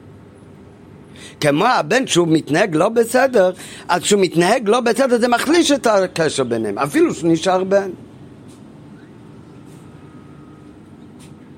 רק משם יש את הכרך לעשות תשובה ולחזור בכל זאת. יש אבל קשר עוד יותר עמוק בין הקודש ברוך הוא לבין בני ישראל. שזה מתבטא בזה שהקודש ברוך הוא כביכול יתאחד עם עם ישראל שהם דור ורכוד ממש. כמו בן אדם אוהב את עצמו, זה לא שתי דברים. אלא זה דבר אחד, אז ככה זה הפירוש של הקדוש ברוך הוא בחר בנשומת ישראל, בחירוס העצמוס, אז זה עוד יותר נעלה אפילו בין אבא לבן גם כן. זה, זה uh, עניין uh, מסובך יותר, זה uh, צריך ללמוד בפני עצמו. אבל כך כתוב, לכן באמת כשהמשנה מביאה שיש אבא שתלויה בדובר, אבא שאינו תלויה בדובר, ואבא שאינו תלויה בדובר, לא מביאים של אבא ובן. כי גם אבא ובן זה עדיין גם כן תלויה בדובר. במה זה תלוי? בזה שהוא בן שלו. יש משהו יותר עמוק, שהוא בוחר בשני בלי טעם ודעת. וזה קשר עצמי שיש בין הקדוש ברוך הוא לבין בני ישראל. במה זה מתבטא? אז זה מתבטא, זה הדאגה השלישית, זה מתבטא באמרו לפוני מלכת כדי שתמליכוני עליכם, שבני ישראל ממליכים ומכתירים את הקודש ברוך הוא למלך. מה זאת אומרת? כמו בגשמיות, גם העניין של קיום ציוויים למלך וגם העניין של תשובה על אי קיום למצוות המלך, זה הכל קורה אחרי שיש כבר מלך עליך. כשיש מלך עליו והוא מחויב למלך, אז יש את העניין שהוא צריך להקשיב למלך, ואחר כך יש גם כן את העניין שאם הוא לא יקשיב למלך, צריך לעשות תשובה. כשאין בכלל עניין של מלך בכלל, גם עבודת התשובה לא שייך. הרי עכשיו אני רק הולך להכתיר אותו למלך. כשמכתירים אותו למלך אין עדיין ציוויים בכלל. עכשיו אני הולך לבקש, תמליכוני עליכם, היהודי מבקש מלך על כל אלים כל בכבדי דרך, הוא כביכול מבקש מהקודש ברוך הוא להיות מלך. אז שם גם אין עניין של עבודת התשובה, זה נעלה יותר מעבודת התשובה. עבודת התשובה זה אחרי שהוא כבר בדרגה של מלך כביכול. אם בני ישראל מבקשים מהקודש ברוך הוא להיות מלך, אז זאת אומרת שיש קשר בין בני ישראל לבין הקודש ברוך הוא באותו דרגה שהקודש ברוך הוא הוא עוד למעלה כביכול מלהיות מלך ולתת ציוויים בכלל. כתוב בחסידת שקיום מצוות של השם זה מגיע מדרגת הרצון של הקודש ברוך הוא. עבודת התשובה זה מגיע בבעל הרוצן. לכן הוא בעל הבית על הרצון, אז הוא יכול גם לכפר. ולמחול ולסלוח. אבל זה עדיין נקרא בעל הרוצן, יש איכות לרוצן. ולכן שם צריך לעשות תשובה. לפני שהוא מלך, אז אין רצון, אין בעל הרצון. אין בכלל עניין של ציוויים ותשובה. ובני ישראל הם אלה שמבקשים מהקדוש ברוך הוא, תהיה המלך עלינו. מאיפה זה מגיע? זה מגיע כי בני ישראל הם מושרושים בעצמות, הם כביכול דבר אחד ממש עם הקודש ברוך הוא. הם דבר אחד ולכן הם לא יכולים להיות בלי אחד בלי השני. לכן כביכול בני ישראל מגישים שאם הקדוש ברוך הוא לא המלך שלנו, כאילו אז אנחנו, אין לנו מציאות. כי הקדוש ברוך הוא התאחד עם בני ישראל. זה הברית שקורס איתם כתוב כמו כריתת ברית, אז חותכים בהמה לשתיים ועוברים באמצע, שמה התוכן הפנימי של העניין הזה, שכאילו יש שתי דברים בחיצוניס, אבל זה שתי דברים שבעצם זה דובר אחד. כמו בהמה שחתכו אותה לשם, זה בעצם שני חלקים מדבר אחד. אותו דבר, בני ישראל הם דבר אחד מושרשים בעצמו של הקודש ברוך הוא, ולכן בני ישראל הם לא יכולים להיות בלי הקודש ברוך הוא. לכן מגיע ראש השנה, וכביכול הקודש ברוך הוא מצלק עם מלכות העולם, אז בני ישראל אומרים לך על כל אילם וכולי. אז בני ישראל הם כביכול דבר אחד עם הקודש ברוך הוא. אז כל, יש קשר שנוצר על ידי שתי דברים. יש קשר שנוצר על ידי שתי דברים. על, ובזה גוף אמרנו יש שתי דרגות. יש קשר יותר חיצוני, זה קשר שנעשה על ידי פעולות, על ידי עבודה של תרומיצס. אחר כך יש קשר יותר פנימי, שזה מתגלה על ידי אבדת התשובה, אבל עדיין זה קשר בין שתי דברים שמתחברים. ואחר כך יש שמתגלה שאין כאן שתי דברים, אלא בפנימיוס זה דבר אחד. וזה מתגלה בתמליכוני עליכם. וזה גם השלוש דרגות שיש בים קיפר. יש קיום מצווה בים קיפר, ואחר כך יש במעבדת התשובה שיהיה עם כיפר, ואחר כך יש מה שעיצומה של יהיה מחפר. מה זה עיצומה של יהיה מחפר?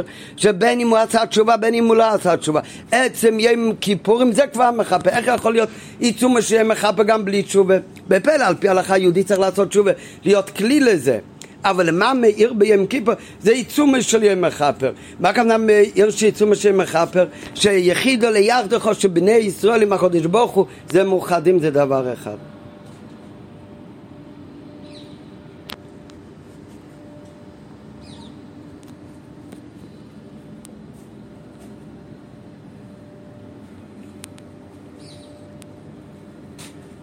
נראה עכשיו בפנים. הוסבר כבר בהרחבה שמהוסם של ראש השנה ויום כיפור יש שלושה עניינים שנעלים זה מזה והם המצוות של ימים אלו. בראש השנה יש מצווה של תקיעת שופר ביום כיפור מצווה הטיימס ומצווה התשובה והווידוי. יש בית משהו יותר נעלה גם בראש השנה גם ביום כיפור. זה היותם מייצץ עם תשובה שתשובה, כמו שלמדנו מקודם, נעלית ממצוות, ולכן יכולה לתקן את המעובד בעבודת קיום המצוות. ג', משהו עוד יותר נעלה, זה המהות העצמותית של ימים אלו, שנעלה גם מנין התשובה. בראש ראשון זה הבקושס של הקודש ברוך הוא, והעבודה של ישראל של תמליכוני עליכם, להמליך את הקודש ברוך הוא, ביום כיפר זה העניין של עיצום של יום שמחפר. שדאגה כפרה זו נעלית יותר מכפרה שנעשה כתוצאה באמצעות התשובה. שלושה עניינים אלו זה לא סתם שלוש דברים, אלא כמו שדיברנו עכשיו, זה שלוש דרכים, שלוש אה, רמות בהיקשרות אה, של ישראל עם הקודש ברוך הוא. אופן אחד זה שישראל הם כביכול מציאות עצמאית.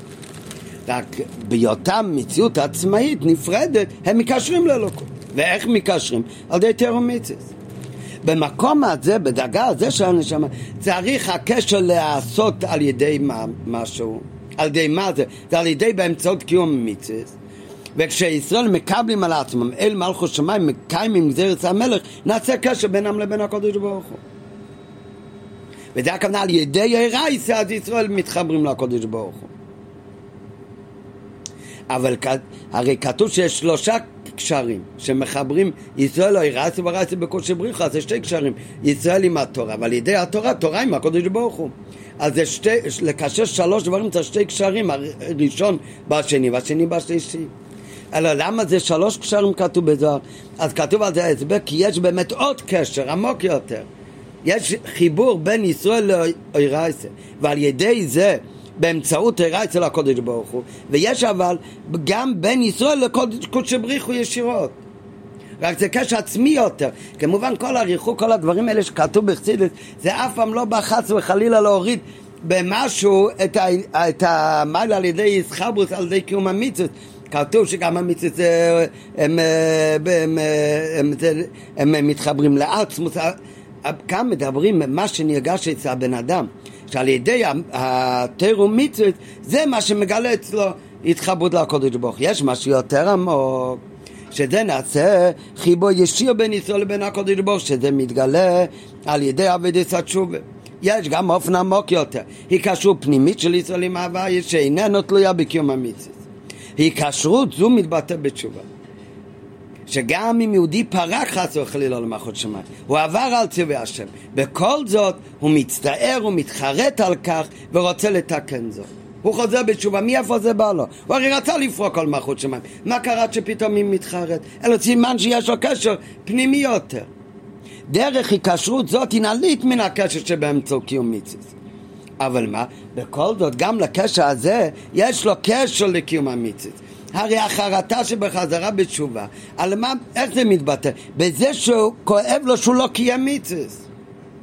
ולכן במה מתבטא גם אבות התשובה? בזה שהוא מחליט מכאן ולהבא לקיים את גזירת המלך. גם כאן זה עדיין קשר בין שתי דברים. רק אף על פי שבחיצי ניסו ניתק, הוא מתחבר מחדש, כי הקשר הוא עמוק יותר. יוצא איפה שגם מכשרות זה מבטא בהחלטה להישמע לקודש ברוך כלומר עדיין היהודי הוא מציד בפני עצמי והוא מתקשר ונכנע לפני הקודש ברוך הוא. יש אבל אופן נעלה יותר שזה יותר משתי הדברים בין ההיקשרות של תרומיציס או ההיקשרות פנימית יותר שמתגלה בעבודת התשובה יש אופן הרבה יותר נעלה שזה בכלל לא שתי דברים אלא מגלים שהם חד ממש האופן הנעלה ביותר של כשרות הוא שישראל וכשבריחו כל אחד. ייחוד מוחלט בין ישראל להוויה.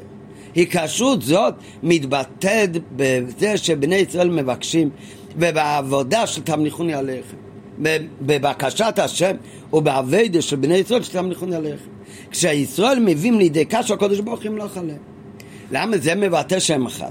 ההיקשרות של ישראל להשם באמצעות תורה ומצוות או באמצעות תשובה זה שייך רק לדבר אחרי שהוא כבר מלך ונתן ציוויים. זה יכול להיעשות רק לאחר שממליכים את הקודש ברוך הוא. כי רק אז אפשר להישמע אליו וגם לחזור בתשובה למה שלא שמעו לו. לפני קיום היינו שתמליכוני עליכם מהו בכלל הדבר גורם לישראל להגיש חיסרון בעניין המלוכה אז למה הם ש... מה השייכות לשלם בכלל? מי הם שהם אלה שממליכים את הקודש ברוך הוא? והמביא לידי כך, מה זה שגורם שישראל מבקשים מהקודש ברוך הוא למלוך עליהם? הרגש הזה נובע מכך שישראל מוחדים לגמרי עם אלוקות והם לא יכולים להיות חס וחלילה ללא המלך לא כי כך כתוב בתורה הרי מדברים עכשיו עוד כביכול בדרגה כזאת שהוא עוד לא מלך בכלל הוא עוד לא נתן לנו ציוויים. ובכל זאת אתה מגיש שאתה חייב שהוא יהיה המלך שלך. למה? באמת כי יש, אתה בעצם לא יכול להיות מציאות בלי המלך.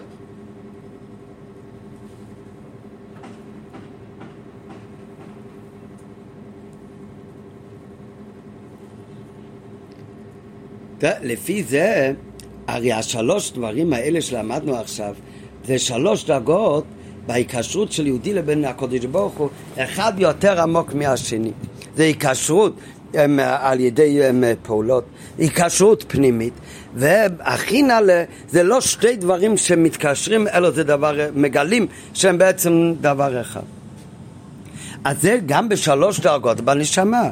בדרגות החיצוניות של הנשמה, אז שם צריך לגלות את הקשר מהקדוש ברוך על ידי, מצ... על ידי פעולות. אחר כך יש דרגה יותר עמוקה בנפש שמגלה על ידי עבודת התשובה. ויש דרגה של עצם הנשמה, יחיד עלייה לכל דבר אחד עם הקדוש ברוך הוא. מה שיותר, הדרגות חיצוניות של הנשמה, אז שם יש הבדל בין יהודי אחד לבין יהודי שני. מה שיותר, אז זה בדרגה הפנימית יותר שמתגלה בחיבור בין הקדוש ברוך לבין בני ישראל. שם פחות נרגש הבדל בין יהודי אחד ליהודי שני. ואיפה שנרגש שישראל ואירייס זה כול אחד ממש, אז שם בכלל אין חילוק בין בני ישראל. הרי שם כולם חד ממש. ואת זה רואים גם כן כאיך לקיים ציווי המלך. אז יש כל אחד באופן שלו. איך לעשות? אותו דבר בקיום תירו מצווה, אז בזה יש בוודאי חילוקים בין בני ישראל. יש אחד שהוא יותר שייך לזה, יש אחד שיותר שייך לזה, וזה דברים שגם על פי תרא אומרת התורה שהוא יותר לזה ואחד צריך לעשות ככה. אף על פי שבאופן כללי כמובן, כל בני ישראל חייבים באותם תרי"ג מצווה. אבל בזה גוף, על מה עיקר ההדגשה, ומה צריך להיות אצלו עיקר. יש מורי עובדין טובים, יש מורי רייץ, יש כל מיני דרגות וסוגים בבני ישראל. בתך הקיום תרומית שהוא לכולם ביחד, בזה גוף, אבל יש חילוקים בין אחד לשני. כמובן בעבודת התשובה, שם פחות נרגש הבדל בין אחד לשני. שם כולם מרגישים לא טוב עם עצמם ורוצים לחזור לאבא שלהם, לקדוש ברוך הוא. הבתנות של תשובה, כאן פחות נרגש הבדל בין יהודי ליהודי. אבל עדיין גם בזה יש הבדלים. הרי יש הבדלים על כל אחד על מה הוא צריך לעשות תשובה, ולכן גם הטכן של תנועת התשובה גם נרגש שונה אצל כל אחד. תמליכוני עליכם כשמכתירים את המלך, כמו בגשמית, איך מכתירים את המלך? זה על ידי שכל העם מתבטל ומשתחווה לפני המלך בפישוט ידיים ורגליים. מוסבר על זה למה, למה ככה מכתירים את המלך. הכתרת המלכות האמיתית זה, זה לא מי שרוצה להיות מלך. מלכות אמיתית זה שבן אדם, מלך אמיתי הוא בן אדם שהוא מורום מעם בכלל. הוא בן אדם שהוא בעין ארוך גבוה יותר מכולם. כמו שכתוב על שאול המלך שהיה שכמה גבוה על כל העם, קנה שכמה היה גבוה יותר מהראש של כולם. יש אחד, השכל שלו יותר גדול מהשכל של השני, אבל הם בערך אותו עולם. על שולם כתוב שיחמי גובע מכל העם, היה ככה בגשמית, אבל זה היה ביטוי לדאגה שלו ברוכניאס, שהשכם שלו, המקום הגוף, איפה שהמידס שלו, המידס שלו היה גבוה יותר מראש של כל העם. איפה שנגמר אצלו המידס היה יותר גבוה מאיפה שמתחיל המכן של כל אחד. זה מבטא עד כמה המעלה שלו היה לא שהוא יותר מהם, אלא הוא יותר בין ערך מהם. לא, המלך אמיתי, שהוא בין ערך, הוא חסר לו להיות מלך על העם. בשבילו להיות מלך על העם זה בכלל הרי עניין של השפלה. כך כתוב גם בחסידות, לכן צריך גם כן לבקש מהקדוש ברוך הוא כביכול מלך על כל אלה וכל בכבי דרכו. הרי המלך האמיתי הוא במרומם, הוא רוצה להיות במרומם, זה בכלל בשבילו השפלה להיות אה, מלך ולהנהיג את העם. ולכן צריך לעורר, כך גם במלכוס בגשמיס, אצל אותו אחד שהוא באמת מרומם, צריך לעורר אצלו רצון שבכלל הוא יוצא להשפיל את עצמו, להיות מלך ולהנהיג את העם. ועל ידי מה הם מעוררים אצלו את הרצון? על ידי שמסבירים לו סברות חשובות ומראים שהם גם חכמים. הרי החוכמה שלהם הוא יותר חכמים, זה בשביל הרי השפלה בשביל להתעסק איתם. במה מעוררים אצלו את הרצון למלוכה זה דווקא על ידי הביטל בתכלס, שכולם משתחווים בפישוט ידיים ורגליים, מה זה משתחווים בפישוט ידיים ורגליים לפני המלך, מראים לו כאילו שכלפיך, לפניך הראש, הדאגה הכי גבוהה שלנו והרגל שלנו, הכל בשווה, כולנו כלום מולך. וזה עצמו מעורר את הרצון אצל המלך למלוך. לא, לא נוגע לכאן למה זה כאן יכול לעורר, אבל כך כתוב שזה מורה אצל המלך את הרצון למלוך. על דרך זה, זה גם במל, במלכוס שמיים אצל הקודש ברוך כביכול, שבני ישראל, העבודה של תמניחוני עליכם בראש השונה, זה מתבטא, יש אבדה של קימתר ומצווה, בן אדם עושה משהו, הפעולות שלו. יש אבדה התשוב, וזו תנועה יותר עמוקה. אבל עדיין נרגש משהו במצווה שלו. יש את ה... ביטל בתכלית, בהשתחווה, בזה מתבטא העבודה של תמליכוני עליכם. אז שמה בהשתחווה, בביטל בתכלית, שמה באמת לא נרגש הבדל בין יהודי אחד לשני. שמה כולם הם חד ממש. על דרך זה גם כן בים קיפר. אז יש מצווה, אחר כך יש בים קיפר את התשובה של ים קיפר. עיצום שיהיה מחפה, אין הבדל בין יהודי ליהודי, זה כולם אותו דבר. למדנו מקודם, הוא מביא מהשיחה בחלק ד' שגם בראש השונה וגם בים כיפר יש את השלוש עניינים. את העניינים של הגילוי האיסקשוס על ידי תאומיצוס בין ישראל לבין הקודש ברוך הוא. יש את הדאגה יותר נלית, את הגילוי של האיסקשוס בין בני ישראל לבין הקודש ברוך הוא, שהפנימית יותר של די אבידס התשובה, ויש את הקשר העצמי בין יהודי לבין הקודש ברוך הוא, שזה לא התחברות של שתי נפרודים, אלא זה אחד ממש. אז אף על פי שבאמת הביא בשיחה שיש כל השלוש דברים בראש השנה ויש ביום כיפור, אבל יש מה שבעיקר מודגש בראש השנה, מה שבעיקר מודגש ביום כיפר, ומה שבעיקר מודגש בחג הסוכות. נראה עכשיו הלאה בפנים.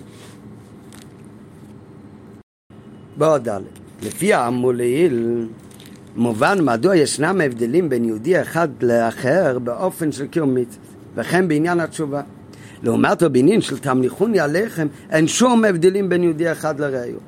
כמו שרואים שבשעת הכתרת מלך בצו אדם, ששר גדול והאיש פשוט שרויים באותו דאגה התבטלו כלפי המלך.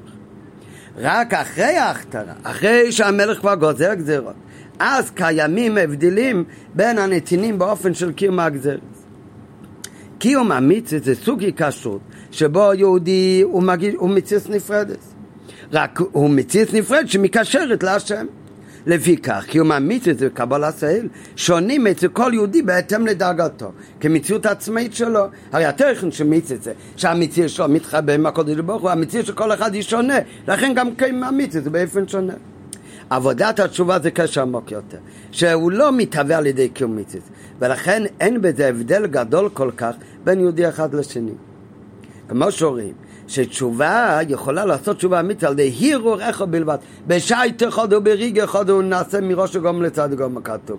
נו, אז אם ככה, בזה אין כל כך הבדלים בין אחד לשני. כולם בהירור אחד יכולים להיות uh, בתשובה. אבל מה? למרות זאת, הרי קיימים הבדלים. כי בכל זאת, זה הרי תשובה, כאן מדברים בתשובה בפשט, בהתאם לעוונות. או אפילו, כשמדברים על תשובה, דאגה יותר גבוהה בתשובה, שרוצה לחזור לשורשו מקרש היהודי. אבל הרי גם בשתי דברים אלה, גם בתשובה לאבנת זה לא שווה כל אחד לשני. אותו דבר גם כן, להשיב את הנשום למקרב ושורש, יש גם הבדלים כל אחד לפי הנשום שלו. ובזה הרי אינו דומה יהודי אחד לשני. זה לא כמו ההבדלים שבתאומיתית, אבל גם כאן יש הבדלים. לעומת הבניין שתמליכוני עליכם, זה נובע מהייחוד המוחלט שבין ישראל לקודש ברוך הוא. כמו שאי אפשר להפריד בין ישראל לקודש ברוך הוא, כך יהיה אפשר להפריד ולהבדיל בין יהודי אחד לזולתו. בעניין זה כל ישראל הם מציאות אחת שלא נחלקת. ואיך זה מתבטא בעבודה, כמו שאמרנו מקודם, בביטול, בזה שכולם הם, הם, אה, הם מרגישים שאין להם שום מציאות, בזה כולם שם. השלושה הדברים האלה ישנם גם בראש השנה, גם ביום כיפור, כמו שאמרנו. אבל באופן כללי ובגלוי, כל אחד מהם קשור באחד מהחגים. ראש השנה, יום כיפור ובחג הסוכות. בראש השנה, בעיקר מכל השלוש דאגות, מה בעיקר נרגש בראש השנה? זה הזמן, ראש השנה זה הזמן שהכתרת המלכות. כך כותב הריסק, שמביא כמה סיבות למה טעמי המצווה, למה תוקעים בשופר בראש השנה. אבל במקום הראשון הוא מביא שלפני הרמד אפילו שזה בא לעורר בתשובה והכל. הרמד הראשון במצווה אה, שפר אומר שעניין הראשון בשיפר, שזה מצווה היום ובשיפר, זה כמו בגשמיס, שהיו מכתירים את המלך, היו תוקעים ומרים בחצוצרות, אז כך תוקעים בשופר להכתיר את הקודש ברוך למלך. זה העניין הראשון של ראש השונה. אז אם נכון, יש בראש השונה שלוש דברים. תמליכוני עליכם, אביידס התשובה וקיום המצווה, אבל עניין הראשון והכי מודגש בראש השונה, אז זה עניין של, של תמליכוני עליכם. ביום כיפר, מה העיקר מה ש... ביום כיפר יש גם שלוש דברים. גם הקשר עצמי מגלה ביום כיפר, זה עיצום השם, זה הכי נעלה ביום כיפר. אבל מה הכי בולט ביום כיפר, הכי בגולי ביום כיפר? הרי מה השם של היום? יום כיפור זה יום של כפורת, סליחה וכפורת. זה עבודת התשובה. ביום כיפר נקרא בגלוי שהוא יום תשובה. זה קיץ מחילה וסליחה. למי שעבר מצוות המלך. יותר על כך, אפילו העניין של עיצומו של יום, שמבטא את הקשר העצמי בין ישראל לקודש ברוך הוא, שהוא למעלה יותר, כמו שלמדנו מקודם, מהקשר שנרגש על ידי תשובה, גם הוא קשור במה הוא מתבטא עיצומו של יום, הוא מתבטא בזה שהוא מכפר. קשור איכשהו לעניין של אה, עניינים של הפר רצון. אז יש כבר שם נתינת מקום לרצון או הפר הרצון. וכך הוא גם שמו של היום יהיה מהכיפורים. אז זה עיקר יענו שעם כיפור מודגש עניין אביידס התשובה. איפה נרגש הקשר של די קיום המצוות? זה בחג הסוכת. בחג הסוכת בעיקר כתוב מכל יום טב לוקחים משהו על כל השנה. מראש השנה לוקחים קבלה סל מחו שמיים על כל השנה. קשור לתמליכוני. מיום כיפור לוקחים אביידס התשובה לכל השנה. מה לוקחים מסוכת? זה שמחה של מצווה על כל השנה כולה. זה החיבור שנעשה על ידי קיום תר ומצווה. בחג הסוכות עושים, עסוקים ישראל בגלוי, כאן בגלוי מה שנרגש בסוכת זה לא עניין של תם ניחוני, אף על פי שהכל יש גם בסוכת, כמו שמוסבר, אבל בגלוי מה נרגש בסוכת זה לא עבודה של אמיר הסטילים, זה לא עבודת התשובה, אלא בסוכת עסוקים בקיום המצווה, זה בלולבות, בסוכתו וכולי. בחג סוכות עסוקים ישראל בגלוי בקיום מצוות. סוכה, נטילת ארבע מינים וכולי. מיד אחרי יום כיפור. ישראל עסוקים במצוות, וכך הוא גם השם שלו, חג הסוכות.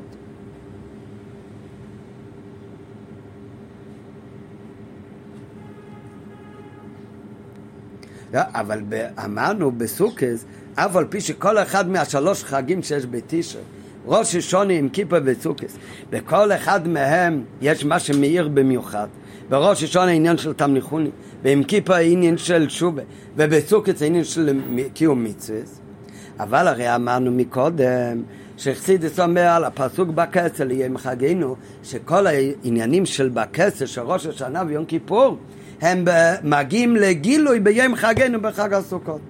אז גם בסוכס צריך להיות נרגש העניין גם של אבס התשושי עם כיפר, אבל גם העניין של תמניחוני הלחם של ראש השונה. לא כל כך מצד העניין של סוכס בסוכס איקה עניוני, זה כבר השמחה של מצווה קיום המצווה, אבל מצד בכסל יהיה מחגנו, אז בסוכס גם צריך לבוא לידי גילוי העניין של תמליכוני. הרי כל העניינים שנמצאים בראש השנה ביום כיפורים באופן נסתר, בקצים מתגלים בחג הסוכות להם חגנו. מזה מובן שלמרות שעניינו העיקרי של סוכות הוא העיסוק במצווה, מכל מקום, בכל זאת מתבטאים בו בגלוי כל שלושת עניינים שנמנו לי, שקיימים בראש השונה וגם מה שקיים בראש השנה ביום כיפור. כמו שבראש השנה ביום כיפור יש את המהות המיוחדת ליום זה, וכך גם עניין התשובה. כדברי חז"ל, עשור יומים שבין ראש השנה ויום כיפורים.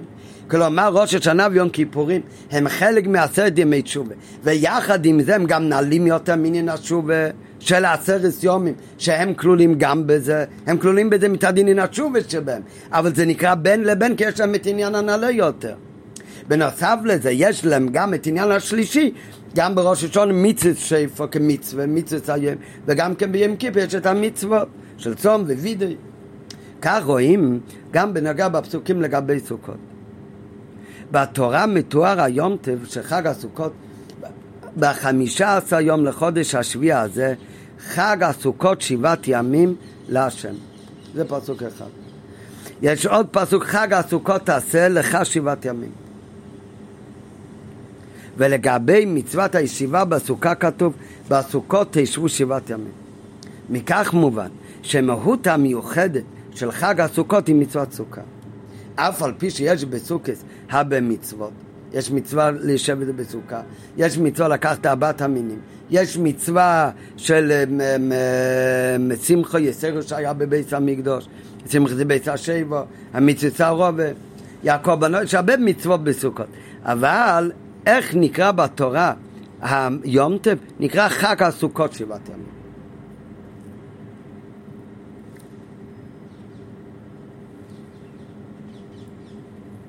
לגבי נטילת ארבעת המינים כתוב בפסוק, ולקחתם לכם ביום הראשון פרי צודו. זה לא התוכן של כל החג, כל חג הסוכיס. וגם בזמן, מן התרא המצווה בכל מקום לקחת לולב, זה רק ביום הראשון. את מצוות נטילת הבת המינים יש לקיים ביום הראשון של חג הסוכס. מכאן מובן שמצוות הבת מינים איננה מהותו העיקרי של היום הראשון של חג הסוכות. כתוב, ולקחתם לכם ביום הראשון. זאת אומרת, יש יום ראשון של איזה יונטב. ומה זה היונטב הזה? זה יונטב הסוכס. ובתוך היונטב של סוכס יש פרט של קיום מיצס, ולקחתם לכם אה, פרי יצוד את ארבעת המינים. זאת אומרת, המהות של היומטב שמבטא את התוכן של סוכת זה במצוות סוכה. ולכן זה, זה היומטב. הוא היומטב כל השבע ימים. אחר כך אומרת התורה, ביום הראשון של אותו יומטב. מה זה המהות של היומטב של סוכת? ביום הראשון לוקחים את ארבעת המינים. בבית המקדוש, שמחתם לפני הבא לקחם כל שבע יומים. לאחר מצוות ארבעת המינים, נאמר בהמשך הפסוק, ושמחתם לפני הווי לקחם שבעה סיומים. זה יש גם מצווה להיות שמח בחג הסוכות. אבל הכל מצוות בתוך העניין העיקרי של החג שזה סוכות.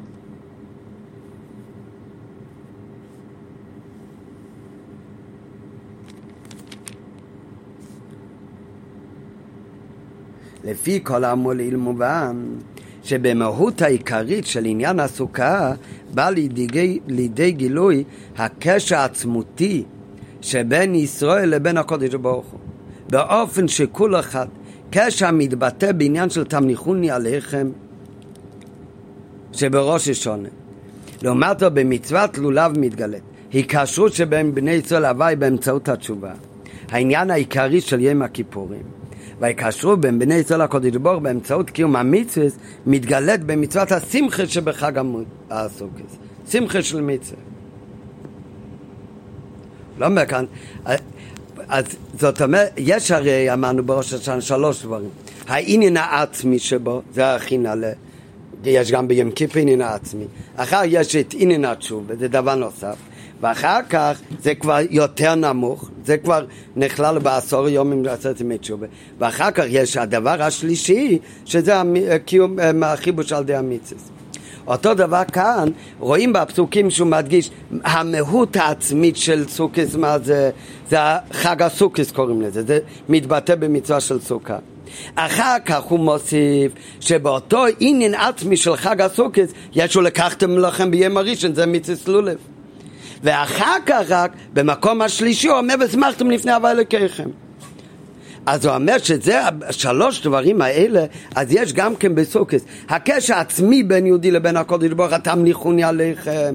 אז זה העניין המהוס העצמי של סוכס. אז זה מתבטא, תורה קוראת, קוראת לזה חג הסוכס כמה פעמים. שזה מתבטא במצווה של סוכה. אחר כך כשהיא אומרת שיש עוד עניין, זה כבר לא המאוס העצמי, זה כבר דאגה נמוכה יותר. כמו עשרת ימי תשובה, הנה נתשובה בראש הנביאים כיפר. אז זה העניין השני, בתוך חג הסוכות לקחתם לכם ביום הראשון, יש גם עניין של לולב. אז הלולב זה מבטא את המקביל לעבודת התשובה של ראש הנביאים כיפר.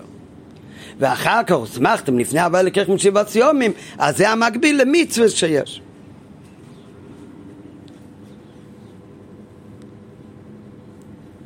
מה באמת ההסבר? למה מצווה סוכה דווקא?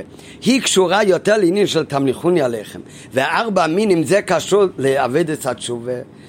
ושמחתם לפני הווי אליקיכם. אז זה כעניין השלישי, זה החיבוש על די קיום המצווה. למדנו מקודם שבעבודה של תמליכוני עליכם אין חילוקים בין בני ישראל. בעבודה של תשובה אז שם יש חילוקים, אבל זה חילוקים דקים יותר. אחר כך יש בעבודה של קיום מצוות, שם זה לגמרי, זה, המצוות זה כל אחד את המצוות שלו להתחבר לקודש ברוך הוא, במצוות הם שונים, לכן גם בחיבור בעבודה של קיום מצוות יש חילוקים. אבדת התשובה זה קשר עמוק יותר, עניינים פנים יותר בנשום, לכן לא ניגש כל כך חילוקים, אבל בכל זאת יש קצת חילוקים. ותמליכוני עליכם כל אחד עם, עם, עם הקודש ברוך הוא, אז שם גם בני, בני ישראל אין שום חילוק. המצווה של השבט בסוכה, באותו סוכה רואים כל ישראל שבסוכה אחד אומרת התורה. כל האזרח בישראל ישבו בסוכת. כאן מתגלה הקשר עצמי בין יהודי לבין הקודש ברוך הוא. ולכן שהם כול אחד, אז גם כל בני ישראל הם כול אחד. אז הם אומרים לאיש בסוכה אחת, אז הסוכה שהוא לו של השני זה שלך ממש. אין כאן שתיים בכלל, הכל הוא אחד.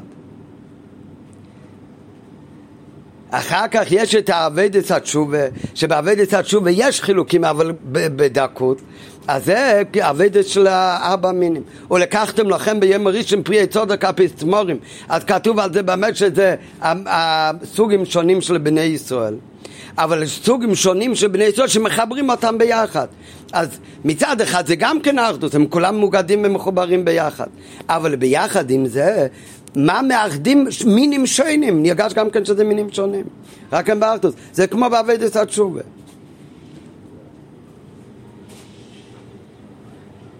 וגם כן בנגיע למצווה של ארבע מינים, אז כתוב במדרש שזה, יש יום הדין בראש הנביאים כיפר. ובני ישראל עושים תשובה, ואחר כך לא יודעים מי ניצח, הקדוש ברוך הוא שופט את העולם, בני ישראל והוא מסוילם, ולא יודעים מי ניצח. אומר הקדוש ברוך הוא שבני ישראל ייקחו בסוכס, ככה מהמדרש את הלולבים, ויצאו בידיהם בלולב וארבע מינים, וזה יהיה הסימן של דיד הנוצח שהם ניצחו בדין.